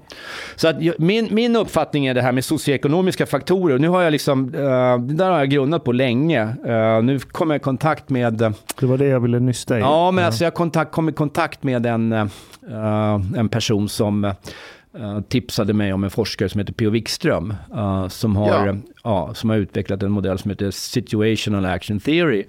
Uh, som är en, en vad ska jag säga, vidareutveckling av en teori som heter sociala band. Som, som jag tycker är en bra teori. Förstår varför ungdomar liksom börjar med brott och sådana saker. Men i Sverige har vi liksom överdeterminerat det här med, med uh, socioekonomiska faktorer. Ungefär som att det är liksom eh, helt determinerande. Eh, socioekonomiska faktorer, ja då, är liksom, då, då blir, blir, man brottsling. Ungefär så att man inte har något eget ansvar, ingen egen vilja, ingen egen möjlighet. Liksom. Uh, och det där tycker jag är liksom, uh, väldigt mycket bullshit. Och det visar ju också att uh, det är väldigt få som kan så att säga, visa statistiskt att det finns en stark liksom, förklaringsdel i socioekonomiska faktorer. Och det är inte så konstigt eftersom de flesta människor som lever med taskiga, liksom under taskiga ekonomiska förhållanden blir inte kriminella. Mm. Så varför blir vissa kriminella? Jag tror det där handlar liksom om många olika liksom, uh, drivkrafter. Jag tror att en hel del av de här ungarna är liksom, uh, i Rinkeby. Jag tror att det är en, vad ska jag säga, uh, snevriden frigörelseprocess från sina föräldrar som gör att de har detroniserat sina föräldrar och det finns ingen annan som styr dem och då är de hänvisade till sig själva. Och där har de inte själva tillräckligt med styrning heller, vilket gör att det blir liksom, och hamnar man då i liksom konstellationer med andra ungar, ungdomar med samma liksom problematik, Uh, och det finns liksom drivkrafter för, för, för brott och sådana saker, så blir det det. Men, men, men jag skulle säga att det finns ingen som kan göra om någon annan. Uh, utan det är bara du själv som kan fatta det beslutet. De som kan göra någonting, till exempel socialtjänsten, för de har resurser, det är att backa upp någon som har fattat det här beslutet. Men man kan inte få någon att liksom fatta beslutet om personen inte själv vill. Och det är därför jag är... Uh, och så har jag jobbat med mina ungdomar också. Uh, och som jag sa tidigare inledningsvis uh, så jobbade vi på Fryshuset också i högstadieskolan. Vi tar inte in någon som inte vill vara hos oss. Har de inte bestämt sig för att de vill vara hos oss, då tar vi inte in. Då får de gå hem och fundera. Får vi konflikter på skolan och vi inte kan lösa konflikten för att ungarna säger jag vet inte, jag vet inte, jag vet inte. Fine, var hemma en vecka. Eller hur lång tid behöver du fundera? Uh, du får en vecka, så tar vi ett nytt möte med föräldrar och socialtjänsten. Har de inte bestämt sig då heller, nej men var hemma en vecka till. Tills de har bestämt sig. För det är först när man har ett eget driv från, eller en egen vilja i alla fall, från den som vi vill så att säga hjälpa att förändra som vi kan göra någonting. För jag var lite djävulens advokat där. Lägger inte man då lite för mycket vikt på individen? Jag menar, individen kan vara dysfunktionell, kan inte förstå vad som är bäst för en själv. Föräldrarna kan vara dysfunktionella. Att lägga så mycket ansvar att du måste bestämma dig för att göra det här och så kanske vi kan hjälpa dig. Eh, förstår du lite vad jag menar? Ja, jag förstår. Men, men, men vad är alternativet? Att du går in och eh, slår ja, dem. Ja, men alltså, jag kan ju, jag, jag kan ju omhänderta hur många ungar som helst. Stoppa dem på SIS-institution eller HVB-hem eller familjehem eller vad fan som helst. Det är ju det enklaste i världen egentligen att få igenom ett LVU. Det är ju jättelätt egentligen. Om vi pratar om de här ungarna liksom som, som begår brott, missbruk, alltså som stökar runt och sådana saker. De, det finns anmälningar. Uh, så att, att, att, koka ihop en sån utredning liksom, faktamässigt uh, är inte särskilt problematiskt. Men det, problematiskt är ju, det problematiska är ju vad ska du göra av dem om du ska ha en förändring? Att låsa in någon är inget svårt. Men att få någon att förändras, det är det som är själva eh, nyckeln till Men hur ska du få en eh, 14-åring att eh, förändras eh, som har grovt ADHD, eh, dysfunktionella föräldrar, eh, Like nine, nine syskon. nio, nio syskon, bor Ja, trångt. Hur- hur, hur, ska, hur, ska, Ja. hur ska han säga så här, "Ah, men nu har jag bestämt mig Ja. för att... Det är mera problematiskt. Ja. Ja, men, då, Är, då är ju socialtjänsten, de kan inte göra någonting. Kan man tvångsutreda någon för neuro... Jag vet inte vad det rätta nej, ordet du kan inte tvångsutreda någon. Det går inte. Nej. Utan, och det är ingen idé heller, för att om, du, om personen inte vill så säger de ingenting. Hur menar du? Nej, nej, men jag menar om en person har till exempel ADHD, grov Ja. ADHD och inte vet om det själv. Nej. Då är ju sannolikheten att den själv kommer fram till insikten att jag måste sluta med det här, jag behöver hjälp. Ja, Och om inte det finns någon sorts mekanism som utreder den här personen och kommer fram till att men du, vänta. Du mår ju så här och du beter dig så här för att du har den här och den här eh, patologiska förklaringen bakom. Om det nu är ADHD eller Asperger, vad det nu kan vara. Nu bara slänger jag med lite diagnoser här. Men om inte det finns någon mekanism där någon gång under den här personens tidslinje man kommer fram till de här sakerna, åtminstone erbjuder personen att få hjälp för det. Den kommer ju aldrig komma till insikt i det här själv. nej. But they need, Och det är ju parents um, like tillåtelse. Ja, men om föräldrarna inte finns med i bilden, om de har typ gett upp. Men där kommer ju samhället in. Det är det som är liksom samhällets... uh, det är det som är samhällets uh, uppgift. Uh, och grejen är att... Ehm, jag tror inte att samhället kan svälja hur mycket som helst. Uh, ska, vi liksom, ska vi ha en socialvård som fungerar så kan den inte jobba med Uh, hur mycket som helst. För det liksom finns en, en, en, en begränsning i vad som är liksom möjligt. Med liksom, uh, och det handlar ju om att ha tillräckligt många duktiga professionella socialarbetare. Uh, att ha ställen att göra av de här ungarna, att, att kunna jobba med liksom de här familjerna på rätt sätt. Så att, och att då tro att vi kan fortsätta fylla på i de här eh, liksom, utsatta områdena eller särskilt utsatta områden eller, eller de som riskerar att bli särskilt utsatta områden. eh, där binder vi risk till, till vår egen rygg i princip. Därför att, menar du med fylla på alltså med människor? Eller? ja, men alltså, ju fler som flyttar in i de här områdena, eh, desto större blir ju problematiken. Därför att det finns ju redan en social oro i de här områdena. Och ju mer den sociala oron späs på, desto mer ökar den. Och, och, och vi ser ju nu, vi har ju alltid haft unga personer i 7-8-årsåldern som har liksom varit liksom krajade. Uh, men de börjar ju bli fler nu och vi ser ju också hur de som blir en intressant rekryteringsbas för, uh, för äldre uh, unga i liksom kriminella gäng. Vi ser ju också, det har också ungar liksom många liksom, alltså, tidigare insett att lagstiftningen är liksom, ja, det är mycket bara bullshit liksom där med prick i registret och liksom, eh, man kan inte döma ungdomar. Det fattar, de fattar ju liksom.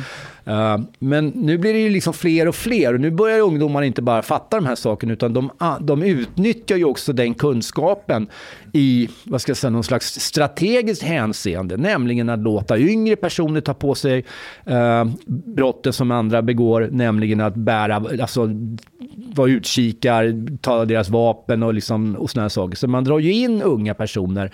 Eh, och de här killarna i de här liksom kriminella gängen blir ju också spännande identifikationsfigurer för de här liksom, eh, ungarna.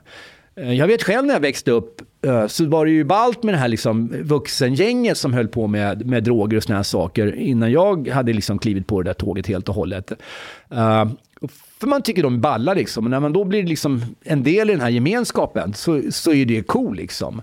Uh, och det är samma coolhet liksom som finns i liksom de här uh, utsatta områdena. Så att det är en oerhörd fara i det här att Och en naivitet i att tro att vi kan liksom Eh, ta emot hur mycket människor som helst om vi inte har vettiga eh, som boenden, boområden, eh, få igång människor i arbete eller någon form av sysselsättning så att de liksom, eh, så att de föräldrarna också inför sina barn blir vettiga identifikationsobjekt och ungarna också ser att det här liksom, ja, här finns en framtid i, i, i det här landet och sådana saker. Så att jag menar det,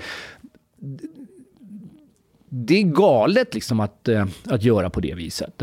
Så att jag, jag, tror inte helt enkelt att det är en möjlighet att vi fortsätter att liksom fylla på de här områdena och ta in hur mycket människor som helst är, uh, eh, i landet. Och det, det, där är liksom ett jävla dilemma för samtidigt så, så, tycker jag att vi ska ha en generös flyktingpolitik mot människor som, liksom, som behöver fly från andra länder uh, av liksom Uh, ja, politiska skäl uh, där de liksom eh, försöker jobba för demokrati i sina hemländer och inte kan göra det på grund av diktaturer och, och sådana saker. Så det är liksom det är, ja, det är en knepig balans det där liksom. Men, men, men, frågan är så att säga var befinner vi oss om 20 år eller om 10 år om vi inte får stopp på de här sakerna? Ja, då tror jag att situationen är ännu värre.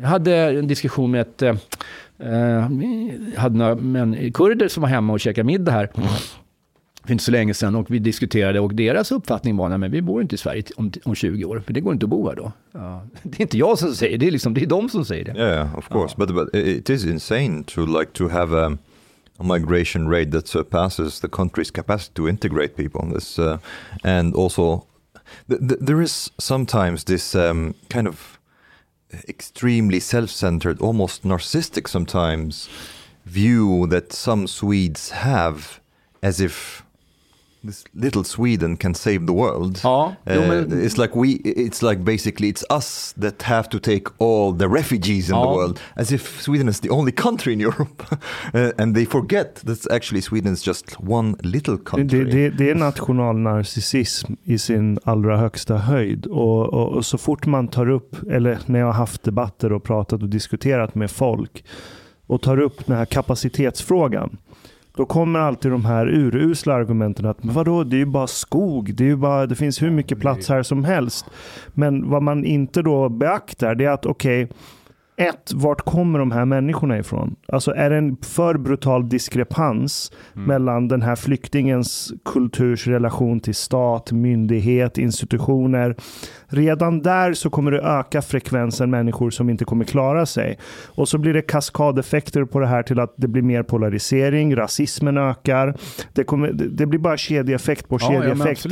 Ja, och det räcker med att det är en fraktion av de som tas in som inte kommer klara sig i ja, samhället. Ja. Det är ju det vi ser i utsatta områden nu. Det är en fraktion av invånarna där ja. som förstör för resten av landet. Främst för sitt eget område egentligen. Min fru var ju en av de första som jobbade med de här liksom ensamkommande från, eh, främst från Afghanistan, men även Syrien och, och, och Irak. Uh, och uh, hon jobbar uppe på Högalidsskolan. Uh, ehm, de har en förberedelseklass. Och jag jobbade med henne en, en kort period när hennes sidekick var eh, föräldrar, eh, skolade in sin dotter på dagis. Eller son. och, eh, och såg vilken fantastisk integration som skedde i den här klassen. Alltså det var helt, helt otroligt. och man hör ju det här med att de kommer från de här länderna och de har ingen respekt, de har ingen liksom, kvinnor är liksom eh, inte värda någonting och sådana saker. Det hörde man ju också när de pratade om kvinnor i sitt hemland. Men här vart det helt annorlunda. De hade jätterespekt för min fru, de fostrade varandra. Var det någon som inte uppförde sig så var de på varandra och liksom, eh, alltså verkligen eh, satte på plats och, och såna här saker.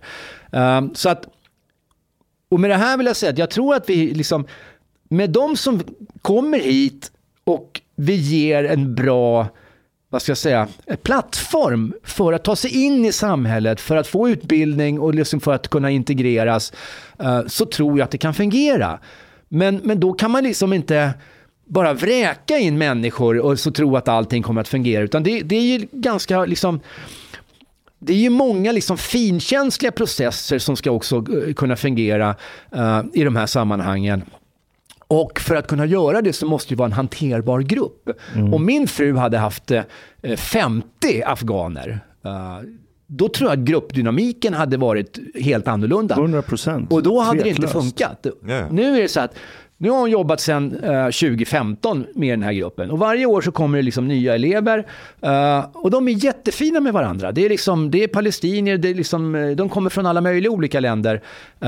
Och det fungerar jättebra. De är respektfulla, de, de, de ser sig själva som en familj uh, i den här klassen. Uh, och det funkar så otroligt bra. Jag sa det till Mustafa förut när jag, eh, uh, jag hade kontakt inför att jag skulle komma hit. Där skulle ni egentligen skulle ni bjuda hit. För det är liksom, där kan man verkligen se hur integration kan funka. Och de afghanerna är själva jättekritiska mot hur Sverige eh, hanterar eh, migrationsfrågan och här mass, med liksom det, och massinvandring. Alltså vi, de tycker att vi tar emot för många. Det blir liksom, för de har massa kompisar som de ser att det inte funkar för. De ser också att ja, många är jättedåliga, ni, de där skulle ni bara skicka ut, men det gör ni ju inte.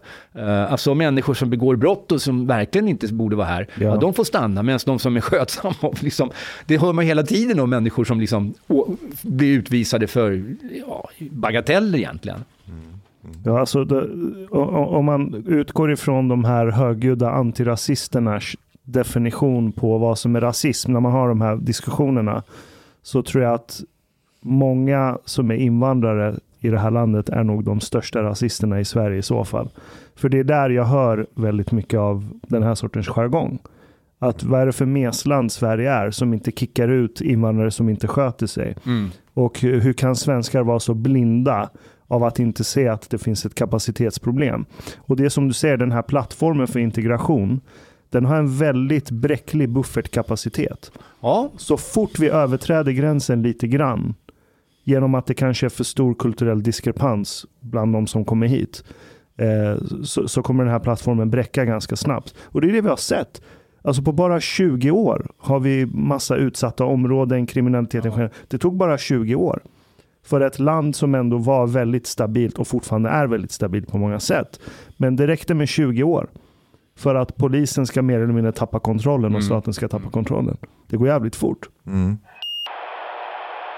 Is there sometimes, or like a lot of cases, um, of young criminal, young criminals who should be i kriminalvården istället för ungdomshem and, and, and so on? Um, how does that look like? Alltså, min uppfattning är att uh, de som är mest uh, kriminella, de har vi ingenting som fungerar på. Uh, och jag tyckte det var intressant att lyssna, jag vet inte om ni lyssnade på Vetenskapsradion här i Uh, för ett par månader sedan. När, uh, det var väl i samband med det som jag också var på Aktuellt. Uh, när de har kommit med den här TFCO, uh, eh, det vill säga Treatment eh, Foster Care Oregon. Det vill säga en, det är en, en metod som kommer från USA. Uh, den här metoden har jag för det första diskuterat med dåvarande forskningschefen på, på SIS. Uh, och det är nog en 20 år sedan i alla fall. Uh, som vi diskuterade den här, då han hade väldigt uh, stort hopp till uh, den här metoden. Det vill säga det är en metod som går ut på att man placerar ungdomar med allvarliga problem i familjer. Eh, speciellt utvalda familjer och sen har man ett ordentligt team som jobbar eh, runt den här eh, ungdomen. Eh, och en av forskarna då som var med i den här vetenskapsradion, eh, Martin Nyström som är docent i socialt arbete i Lund, han eh, han sa att det är väl ungefär kanske 2000 ungdomar som skulle kunna vara aktuella för den här behandlingen, alltså den här metoden. Eh, det vill säga att man istället för att placera på eh, SIS-institution så placerar man i de här familjerna. Eh, och 70 procent ungefär som blir placerad på det här sättet går det bra för. Men det innebär att 30 procent går det inte bra för. Om man då leker med siffran, okej det är 2000 eh, som då skulle kunna vara aktuella för den här metoden. Eh, uh, 30 procent av dem kommer det inte gå bra för. Det är 600 ungdomar.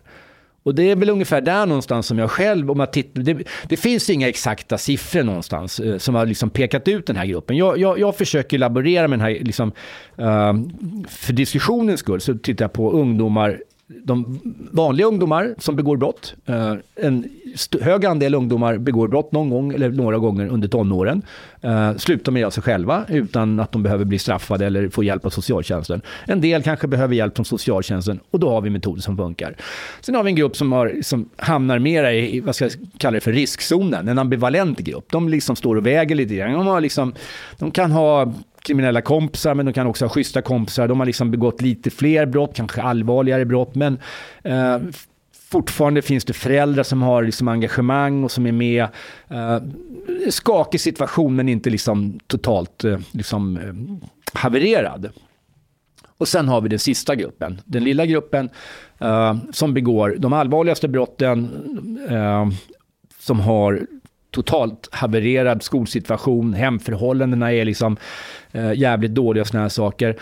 Och beroende på vad man tittar i för olika källor eh, så, kan man, så, så, så, har jag skattat den här gruppen till någonstans mellan 500 och 1000.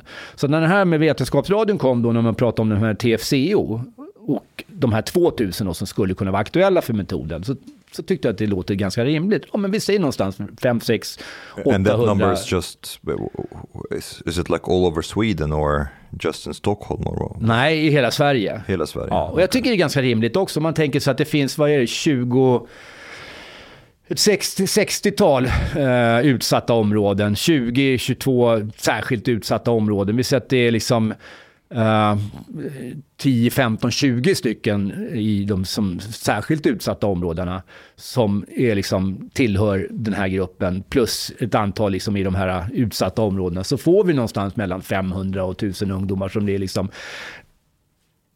jäkligt stökiga och svåra att få ta, liksom, hantera.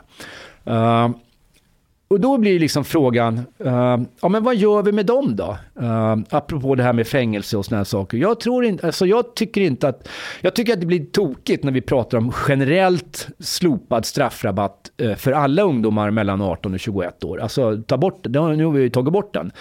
Uh, men, men den kommer att slå ganska blint, för det innebär att ungdomar som som det finns möjlighet att jobba med, men som begår, kan ha begått ett allvarligt brott, de kommer straffas mycket hårdare.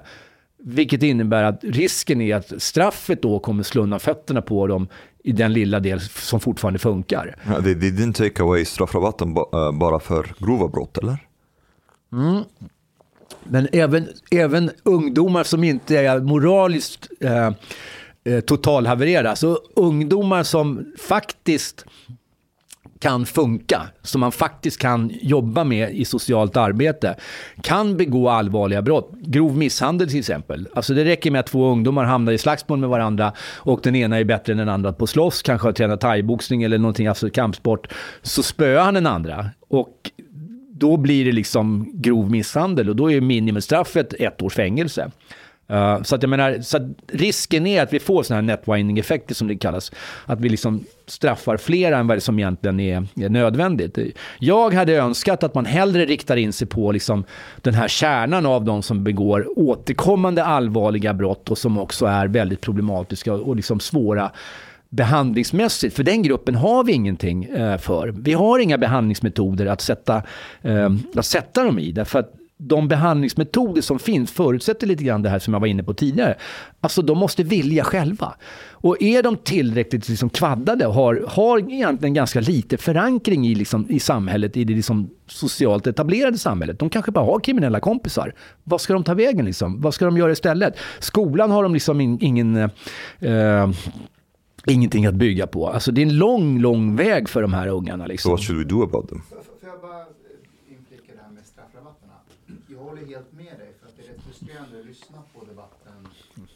Slopa all straffrabatt, det fungerar inte. Så. Nej, det fungerar inte för den här gruppen. Nej, precis. De vet vad straffrabatter är och de utnyttjar det för att komma undan. Men det funkar på den här gruppen eh, som skulle säga, oj, får jag en ny chans och jag kan, jag kan sluta om jag liksom sådär. Eh, varför tror du att det blir så att man bara säger, nej, då slopar vi allting? Därför att, he, alltså, återigen, det är den här mest kriminella gruppen som driver hela frågan egentligen. Uh, det är de här skjutningarna som är liksom uh, skjutningar, grova våldtäkter, den här uh, händelsen på mm, kyrkogården i Solna, de här två killarna som blir liksom torterade. Alltså det är de här det är de här liksom riktigt våldsamma ungdomarna som driver hela diskussionen. Uh, och då tappar vi nyanserna i, liksom, ja men vänta nu, vi får, för varje drag av återhållsamhet, jag har ju märkt det på Facebook också, när man försöker liksom diskutera med folk och vara lite nyanserad, liksom, äh, då blir man liksom eh, antingen vänstertroll eller högertroll beroende mm. på var man är någonstans. Uh, så det, hela den här diskussionen är så fruktansvärt polariserad och den är, den är också drivs av personer som faktiskt inte kan någonting om de här sakerna, men som har ganska hög svansföring i media och ganska liksom många följare eh, och såna här saker som gör att det liksom, ja, de får liksom eh, jävligt stort utrymme. Så att, eh, Alltså jag, jag, jag kan köpa att okay, slopad straffrabatt eh, i det här fallet som du beskriver, att det är en person som är i riskzon, den kanske har begått det som klassas som ett allvarligt brott, men skulle den här personen få stöd så skulle det gå bättre för den än att den får sitta inne i två år, för där kommer den bli ännu mer utstött från Och samhället. risken är att man slår undan fötterna Ja. på dem ännu Jag mer. kan se den, men hur skulle man juridiskt sett i så fall kunna rama in de här människorna som tillhör kärnan, så att säga? Ja, men det är hudfärg. no, but I mean, but, but isn't there also a difference Nej, between? men ur, um, ursprungsland tycker jag är bättre. Inte hudfärg. but isn't there a difference also between people who commit crimes and criminals? You know what I mean? Right. So, like for example, in this example, when people like uh, two uh, two had a fight and somebody like really beat the shit out of somebody, he committed a crime, but he's not a criminal person, as in like Okay. having a criminal Ja, jag- lifestyle and so on, like Ja, jag in a gang and so on. Um, uh, so maybe it's better to direct it at people who have a criminal lifestyle. Alltså inte tillräckligt straffad, hänger inte i skadliga miljöer, inte destruktiv miljö, utan han råkade hamna på fel plats vid fel tidpunkt.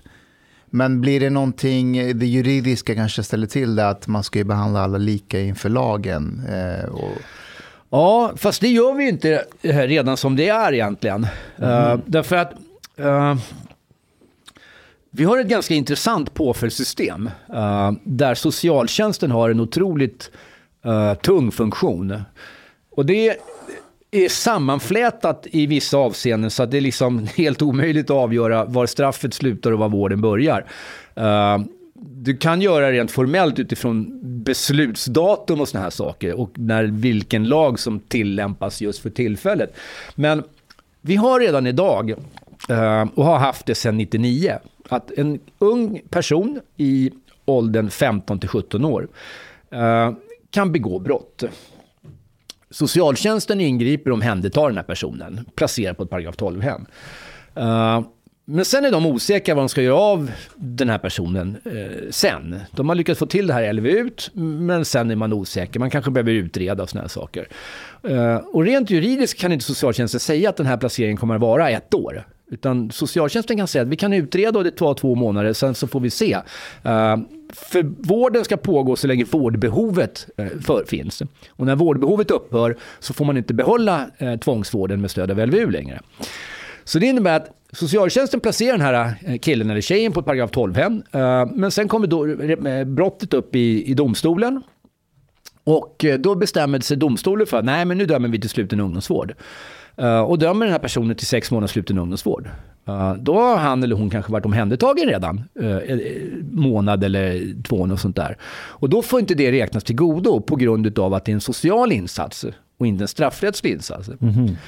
Sen sitter den här personen då av sitt straff sex månader. Efter det så kan socialtjänsten igen omhänderta den här personen. Så han eller hon sitter kvar eh, ja, ett halvår eller ett år eller två beroende på hur, hur gammal han är. Man kan tillämpa LVU upp till att de fyller 21 år.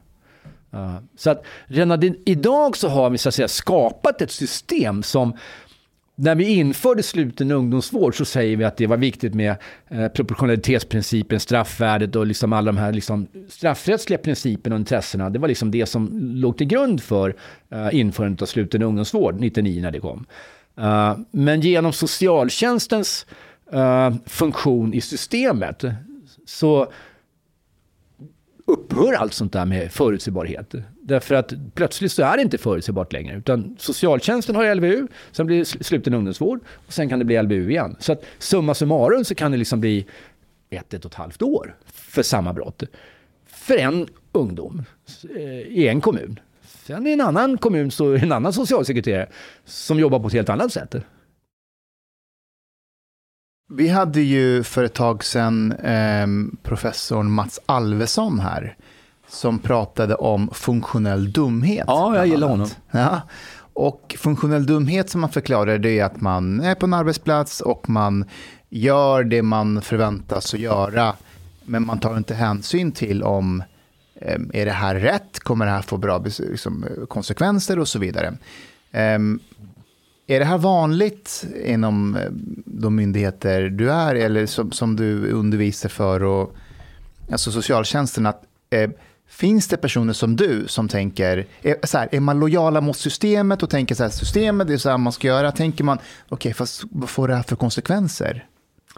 Det kan jag inte uttala mig om längre, för nu har jag liksom ingen... Uh, nu jobbar inte jag inom socialtjänsten längre. Jag kan bara få, så att säga, se det jag ser när jag läser tidningen, när jag träffar människor som jag pratar med, som jobbar inom socialtjänsten. Min dotter jobbar med, hon, är, hon är, uh, jobbar med socialt arbete på en skola i i Haninge. Får du mycket hatord från henne också? Nej, jag får inga hatord från henne. Vi har ganska mycket som vi diskuterar som är, vi ligger ganska lika i många avseenden. Uh, för hon ser ju också liksom verkligheten. Men hon har också ett väldigt stort engagemang i de ungdomar som hon jobbar med.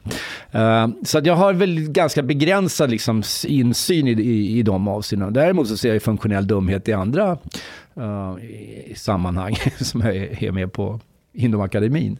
Om du fick eh, bestämma, hur skulle du förändra socialtjänsten?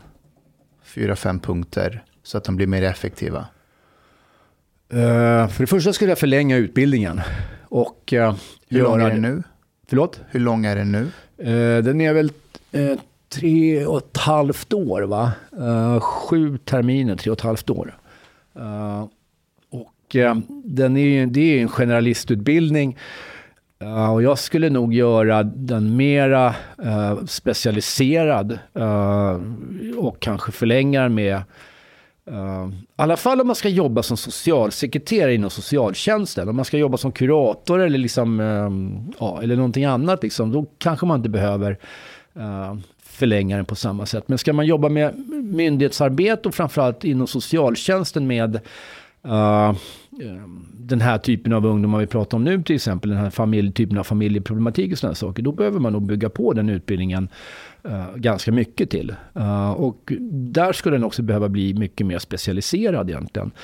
Uh, de som ska jobba med missbrukare, vuxna missbrukare, behöver läsa mycket mer missbrukskunskap, mycket mer juridik som är liksom kopplad till uh, missbruk, man, alltså ageranden och, och sådana saker.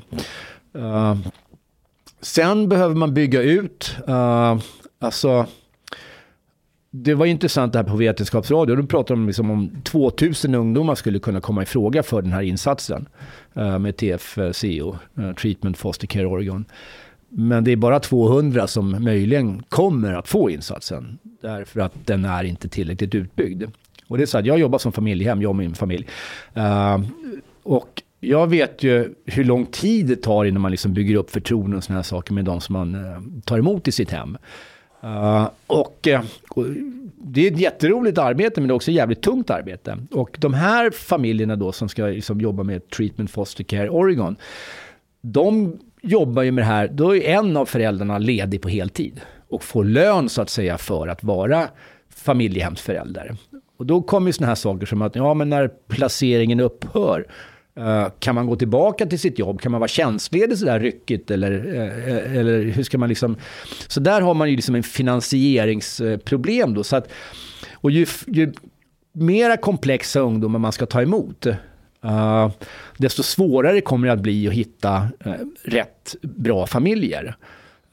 och ju fler ungdomar som vi ska ta emot, alltså som de ska jobba med, desto ännu svårare kommer det bli att hitta, eh, hitta familjer. Så där behöv, där, det är en renodlad resursfråga egentligen. Uh, så det är två ganska liksom viktiga saker när det gäller socialt arbete, alltså socialtjänsten, för att göra socialtjänsten uh, bättre. Och sen så skulle jag vilja ha någon form av uh, selektion av vilka socialarbetare som får jobba med olika saker. Man Idag kan ju i princip vem som helst jobba med vad som helst. Oavsett om de är lämpade för det eller inte. Därför att det finns liksom inte ut möjlighet att liksom välja. Eh, utan det är, liksom, det är personalomsättning så är det liksom, ja, jättestor personalomsättning. Så det är en sak som gör att eh, liksom, jobbet blir... Skulle du ha mer praktik på utbildningen? Att man är ute ett halvår, ett år och kommer ja, tillbaka till skolan? Eh, ja och nej. Uh, det beror ju på var de hamnar någonstans. Därför att många gånger så kommer våra studenter tillbaka, då har de varit ute på praktik och så säger de så här, ja, jag har lärt mig hur jag jobbar i verkligheten. Det här är liksom det ni håller på med på skolan, det är bara teori. Men, när går de på praktik i nuläget? Som termin... Uh, fem tror jag Så efter två och ett halvt år ja. studier? Okej. Okay. Ja. Så termin fem går de på praktik och sen så skriver de uppsats uh, på termin sex. Och sen läser de någon masterskurs på, eh, ett par masterskurser då på termin 7 så att de får så att säga eh, mastersnivå på, eh, på kursen då, som, som avslutning på utbildningen. Men då är det slumpmässigt typ vart de hamnar på praktiken? Ja, Mm. det är det. Men vad sa du där? Att, mm, Ja, nej, men alltså jag, å, återigen, jag är, som, jag, är inte, jag är inte riktigt alltid vän med hur det ser ut inom socialtjänsten. Och eh, jag är inte riktigt liksom, Uh, jag tycker inte riktigt att det är liksom så professionellt. Och det innebär ju att när man skickar ut någon på praktik på ett ställe, om det inte är särskilt professionellt, så kommer ju den personen att få en bristande eh, kompetens eh, som överförs. I, liksom, de kommer ju se, och de blir också väldigt lojala med de platser som de går ut på praktik hos. Och det gör ju att liksom, hamnar man på ställen som inte är särskilt bra så är man lojal med dem och eh, tillägnar sig det som man ska lära sig, för de är ju där för att lära sig. Uh, och det innebär ju att de, en del får ju liksom inget bra. Varför gjorde du citattecken i luften när du sa att de är där för att lära sig? Ja, men de är ju där för att lära sig. De ska ju inte vara liksom professionella, utan de är Aha, där i en okej, lärosituation. okej. Uh, så de ska, liksom, de ska ju få då uh, den professionella uh, basen och jobba med någonting inom socialt arbete under, under de här liksom veckorna som de är ute. Uh, och de lär sig ju det som de får från den här praktikplatsen. Så det innebär att det är en plats som inte funkar, där det liksom inte är Ah, okej. särskilt bra, så, så är det det de får. Uh, är de på ett ställe där det funkar väldigt bra, som duktiga socialarbetare och, och, och så, så, eh, så, så är det det de får. Så att det blir ju väldigt olika. Ja, det är väl uh, om man skulle liksom göra om socialtjänsten. Uh, så det är ingen quick fix liksom. Jag skulle vilja se att det liksom uh, att det är mera, vad ska jag säga, Alltså att professionella, duktiga socialarbetare som har jobbat länge och som har liksom eh, erfarenheter som kan, eh, inte bara är liksom eh, att de har många år i yrket, utan att de också är eh, duktiga att jobba med, om det nu ska vara den här typen av ungdomar. Liksom. Och det är inte alla som är det. sa du, du håll, ni håll på, när du var yngre höll ni på att slå ihjäl en pedofil. Ja, men alltså det var det som gjorde att jag åkte in, Hur gammal var du då? 18. Okej, precis vad- vad hände med pedofilen? Äh, det, det var en sån här fyllig grej. Uh, och vi gick hem till honom och uh, han hade försökt att få ett antal av mina kompisar liksom, uh, behålla dem i lägenheten och, och sådär. Så att det här är ju det är över, se- fem, vad är det, för, över 40 år sedan så att det, jag kommer inte exakt ihåg detaljerna. Men, men, eh, nej, men alltså, så att vi, det var ju det som var stopp. Liksom. Så att eh, för mig, så att jag har liksom varit aktuell från det jag var sju år inom socialtjänsten fram tills den punkten när jag blev omhändertagen. Och då var ju det var inte egentligen på grund av socialtjänsten eller tack vare socialtjänsten, utan det var ju helt enkelt på grund av att jag begick ett grovt brott eh, och blev dömd till fängelse för det här brottet. Och parallellt då så blev jag omhändertagen av, av eh, Barnavårdsmyndigheten och placerade då på ehm, eh, ungdomsförskola. ungdomsvårdsskola.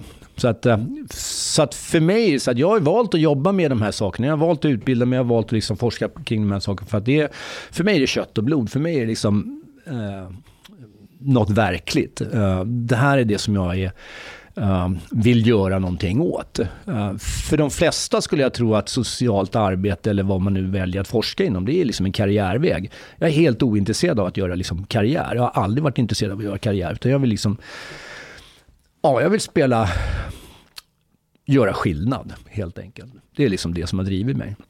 Så att, ehm, så jag är liksom, därför är jag ganska kritisk mot mycket av det som är inom socialtjänsten och såna här saker. Därför det, är liksom, det finns för mycket människor som bara har som ett jobb och liksom, uh, ja, 9 till 5 och såna här saker. De kan säkert vara engagerade i de ungdomar i familjer de jobbar med såna här saker. Men det finns inte det här liksom, Uh, det finns inte det här drivet som man måste ha om man ska jobba med liksom den här gruppen. Du kan, du kan vara ganska medioker om du jobbar med liksom enklare problem. Uh, alltså, det funkar alldeles utmärkt.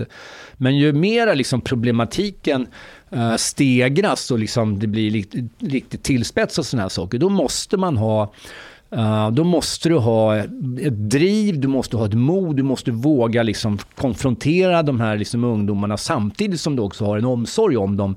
Att, uh, att visa dem att ja, men jag vill faktiskt hjälpa dig, det är vad jag vill. Men jag kan inte tillåta att du gör vad som helst. Liksom.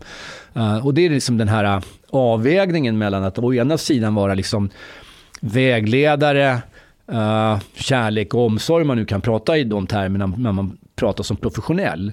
Å andra sidan gränssättare, strukturera upp saker, liksom bromsa upp ungas liksom, eh, utveckling. Eh, utifrån det du har varit med om, både under din uppväxt och sen har du, du har pluggat till det här, du har disputerat inom det här, du har varit aktiv professionellt med det här väldigt länge. Eh, om man nu skulle korrigera och fixa och laga hela det här systemet, skulle den i teorin kunna ha fångat upp dig tidigare från att du var sju år? Eller behövdes det en dom mot dig för att du ska själv vilja Nej, jag tror att jag hade varit, alltså jag var nog en ganska snäll person egentligen. Uh, I alla fall jag var nykter. But not against uh, pedophiles. Va? Not against pedophiles. Nej, nej men alltså pedofiler är ju lite sådär speciellt när man är osäker tonåring, osäker på sin egen sexualitet och liksom sociala situationer och alla sådana här saker. Då blir, liksom, då blir sådana saker ganska hotfulla och då, då är man inte så snäll uh, när man växer upp. Men, men annars så var jag ganska snäll och liksom, uh, jag tror nog att jag hade kunnat bli Uh, kunnat vända ganska långt tidigare egentligen om man hade fått, uh, fått rätt hjälp. Jag skulle nog säga att jag tillhörde den här gruppen i mitten. Liksom uh, kategori 2. Liksom. Även om jag begick många brott. Alltså, många brott? många brott. En period satt jag i häktet varje helg i princip. Va, men vad var vad det för det? brott? Var det bråk, fyllegrejer? Var... Alltså det var gängslagsmål.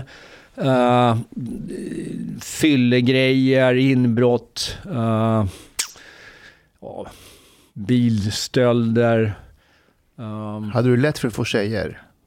För att du var så kriminell? Nej, jag, alltså jag kunde nog ha haft lättare att få tjejer, men jag var så osäker. Jag var otroligt osäker i liksom, eh, tonåren.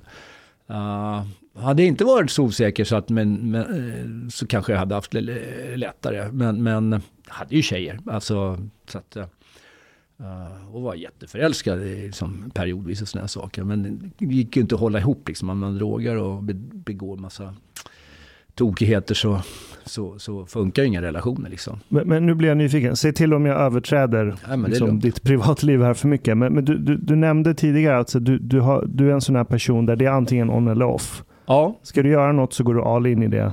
Oavsett om det är destruktivt eller konstruktivt eller vad det nu är. Ja.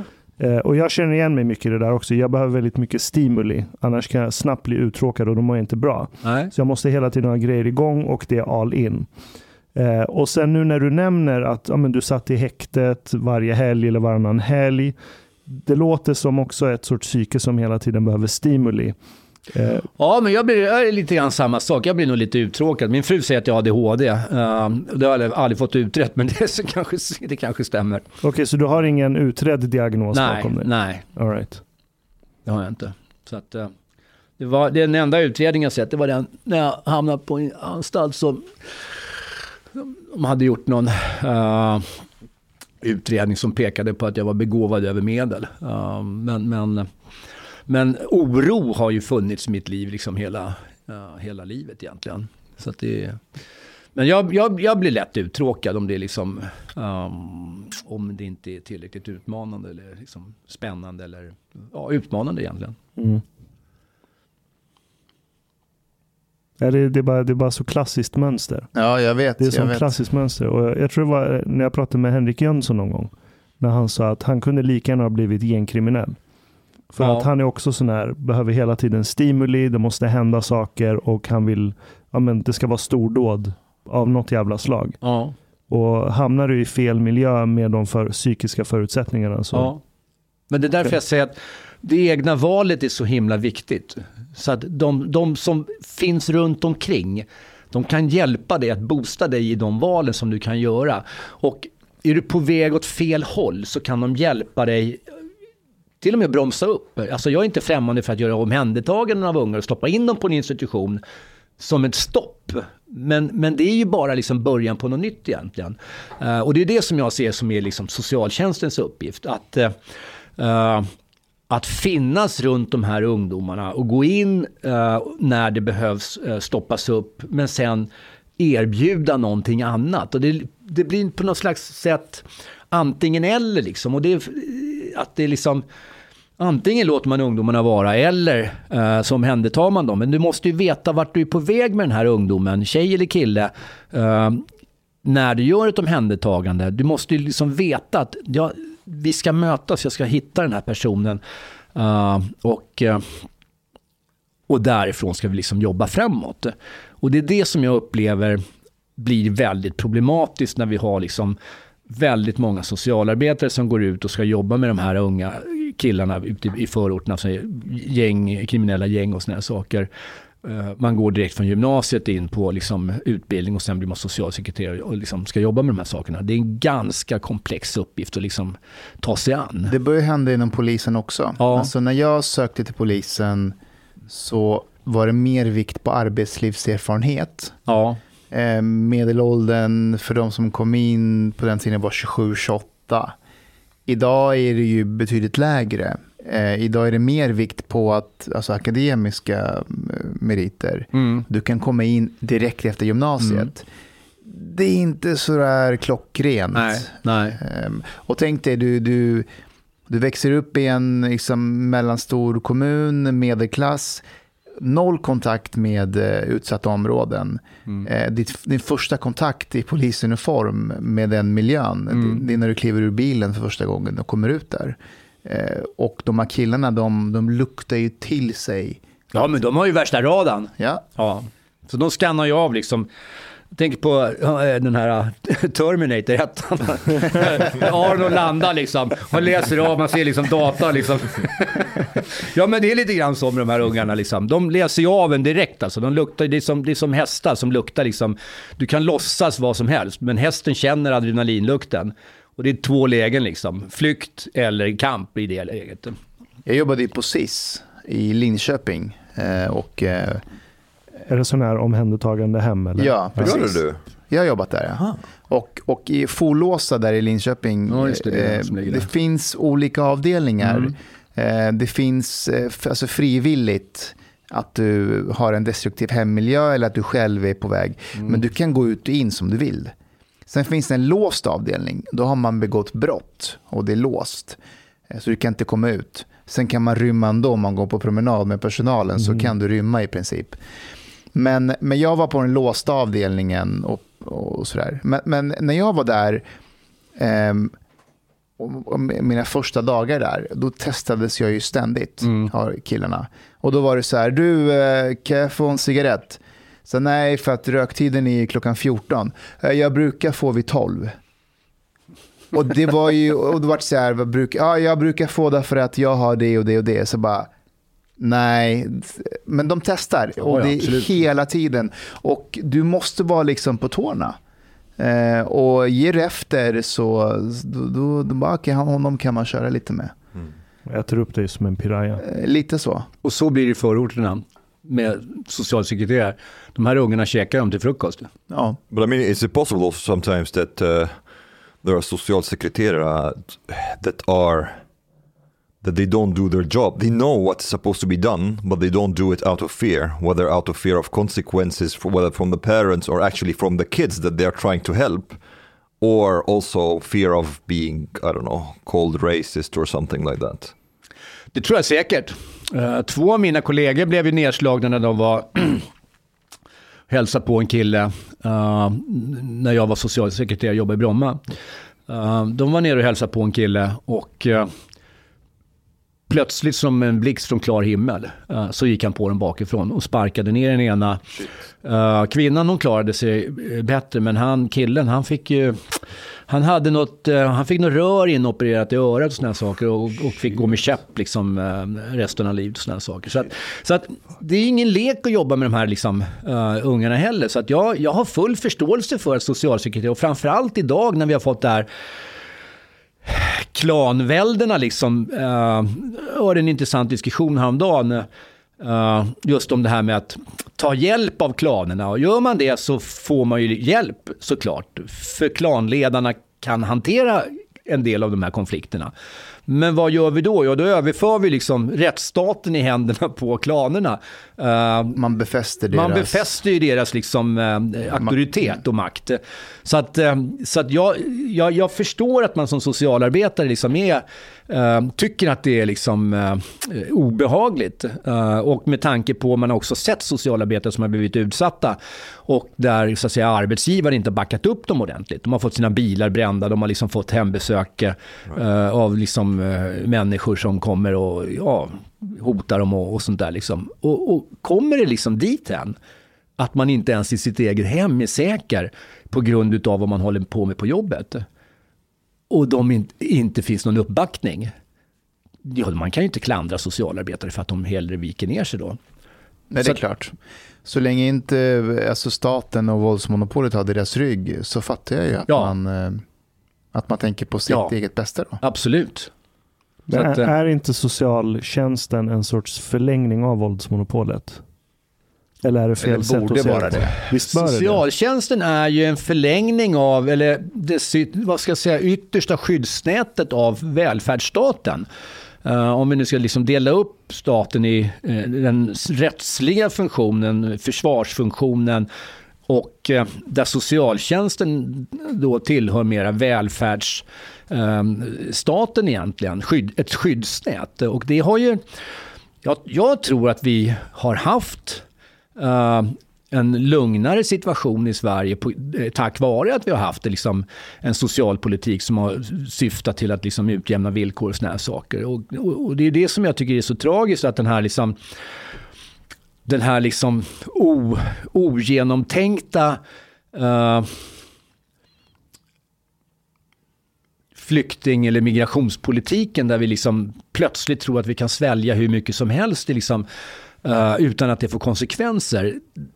Det är ju illa. Alltså, för det, det, de, de, som, de som verkligen far illa av det, det är egentligen de människor som kommer hit och tror att de ska få uh, ett bättre liv. Uh, ja, det kanske de får jämfört med vad de har, men alltså det blir ju inget bra för, för många av dem. I guess like a lot of people forget that we have a responsibility towards the people that we take in and and they, there's like too much focus on our responsibility towards people who we did not take in. Mm. What about these people who we did not take? What about these fucking people that you took in? You need to take care of them first. Ja. Mm. Hej podej, minwen. Lisna po mejnu. Du emiket fin menisza. Du harbeta lat biliet po klubzista moltit. En miket fin radioprogram i sferie. Tak ware deiso ardiet moilikt for grabarna at tropa kafe late ute potoriet. Betalar kningar. Shopa blut pudding til familien. Oka tunnelbana. Eller drika en kal norland zgult poute serviering. Ibland. Dit bidrak jor grabarna miket glada. Dit stot jorzista moltit moilik, helt enkelt. Tak, minwen.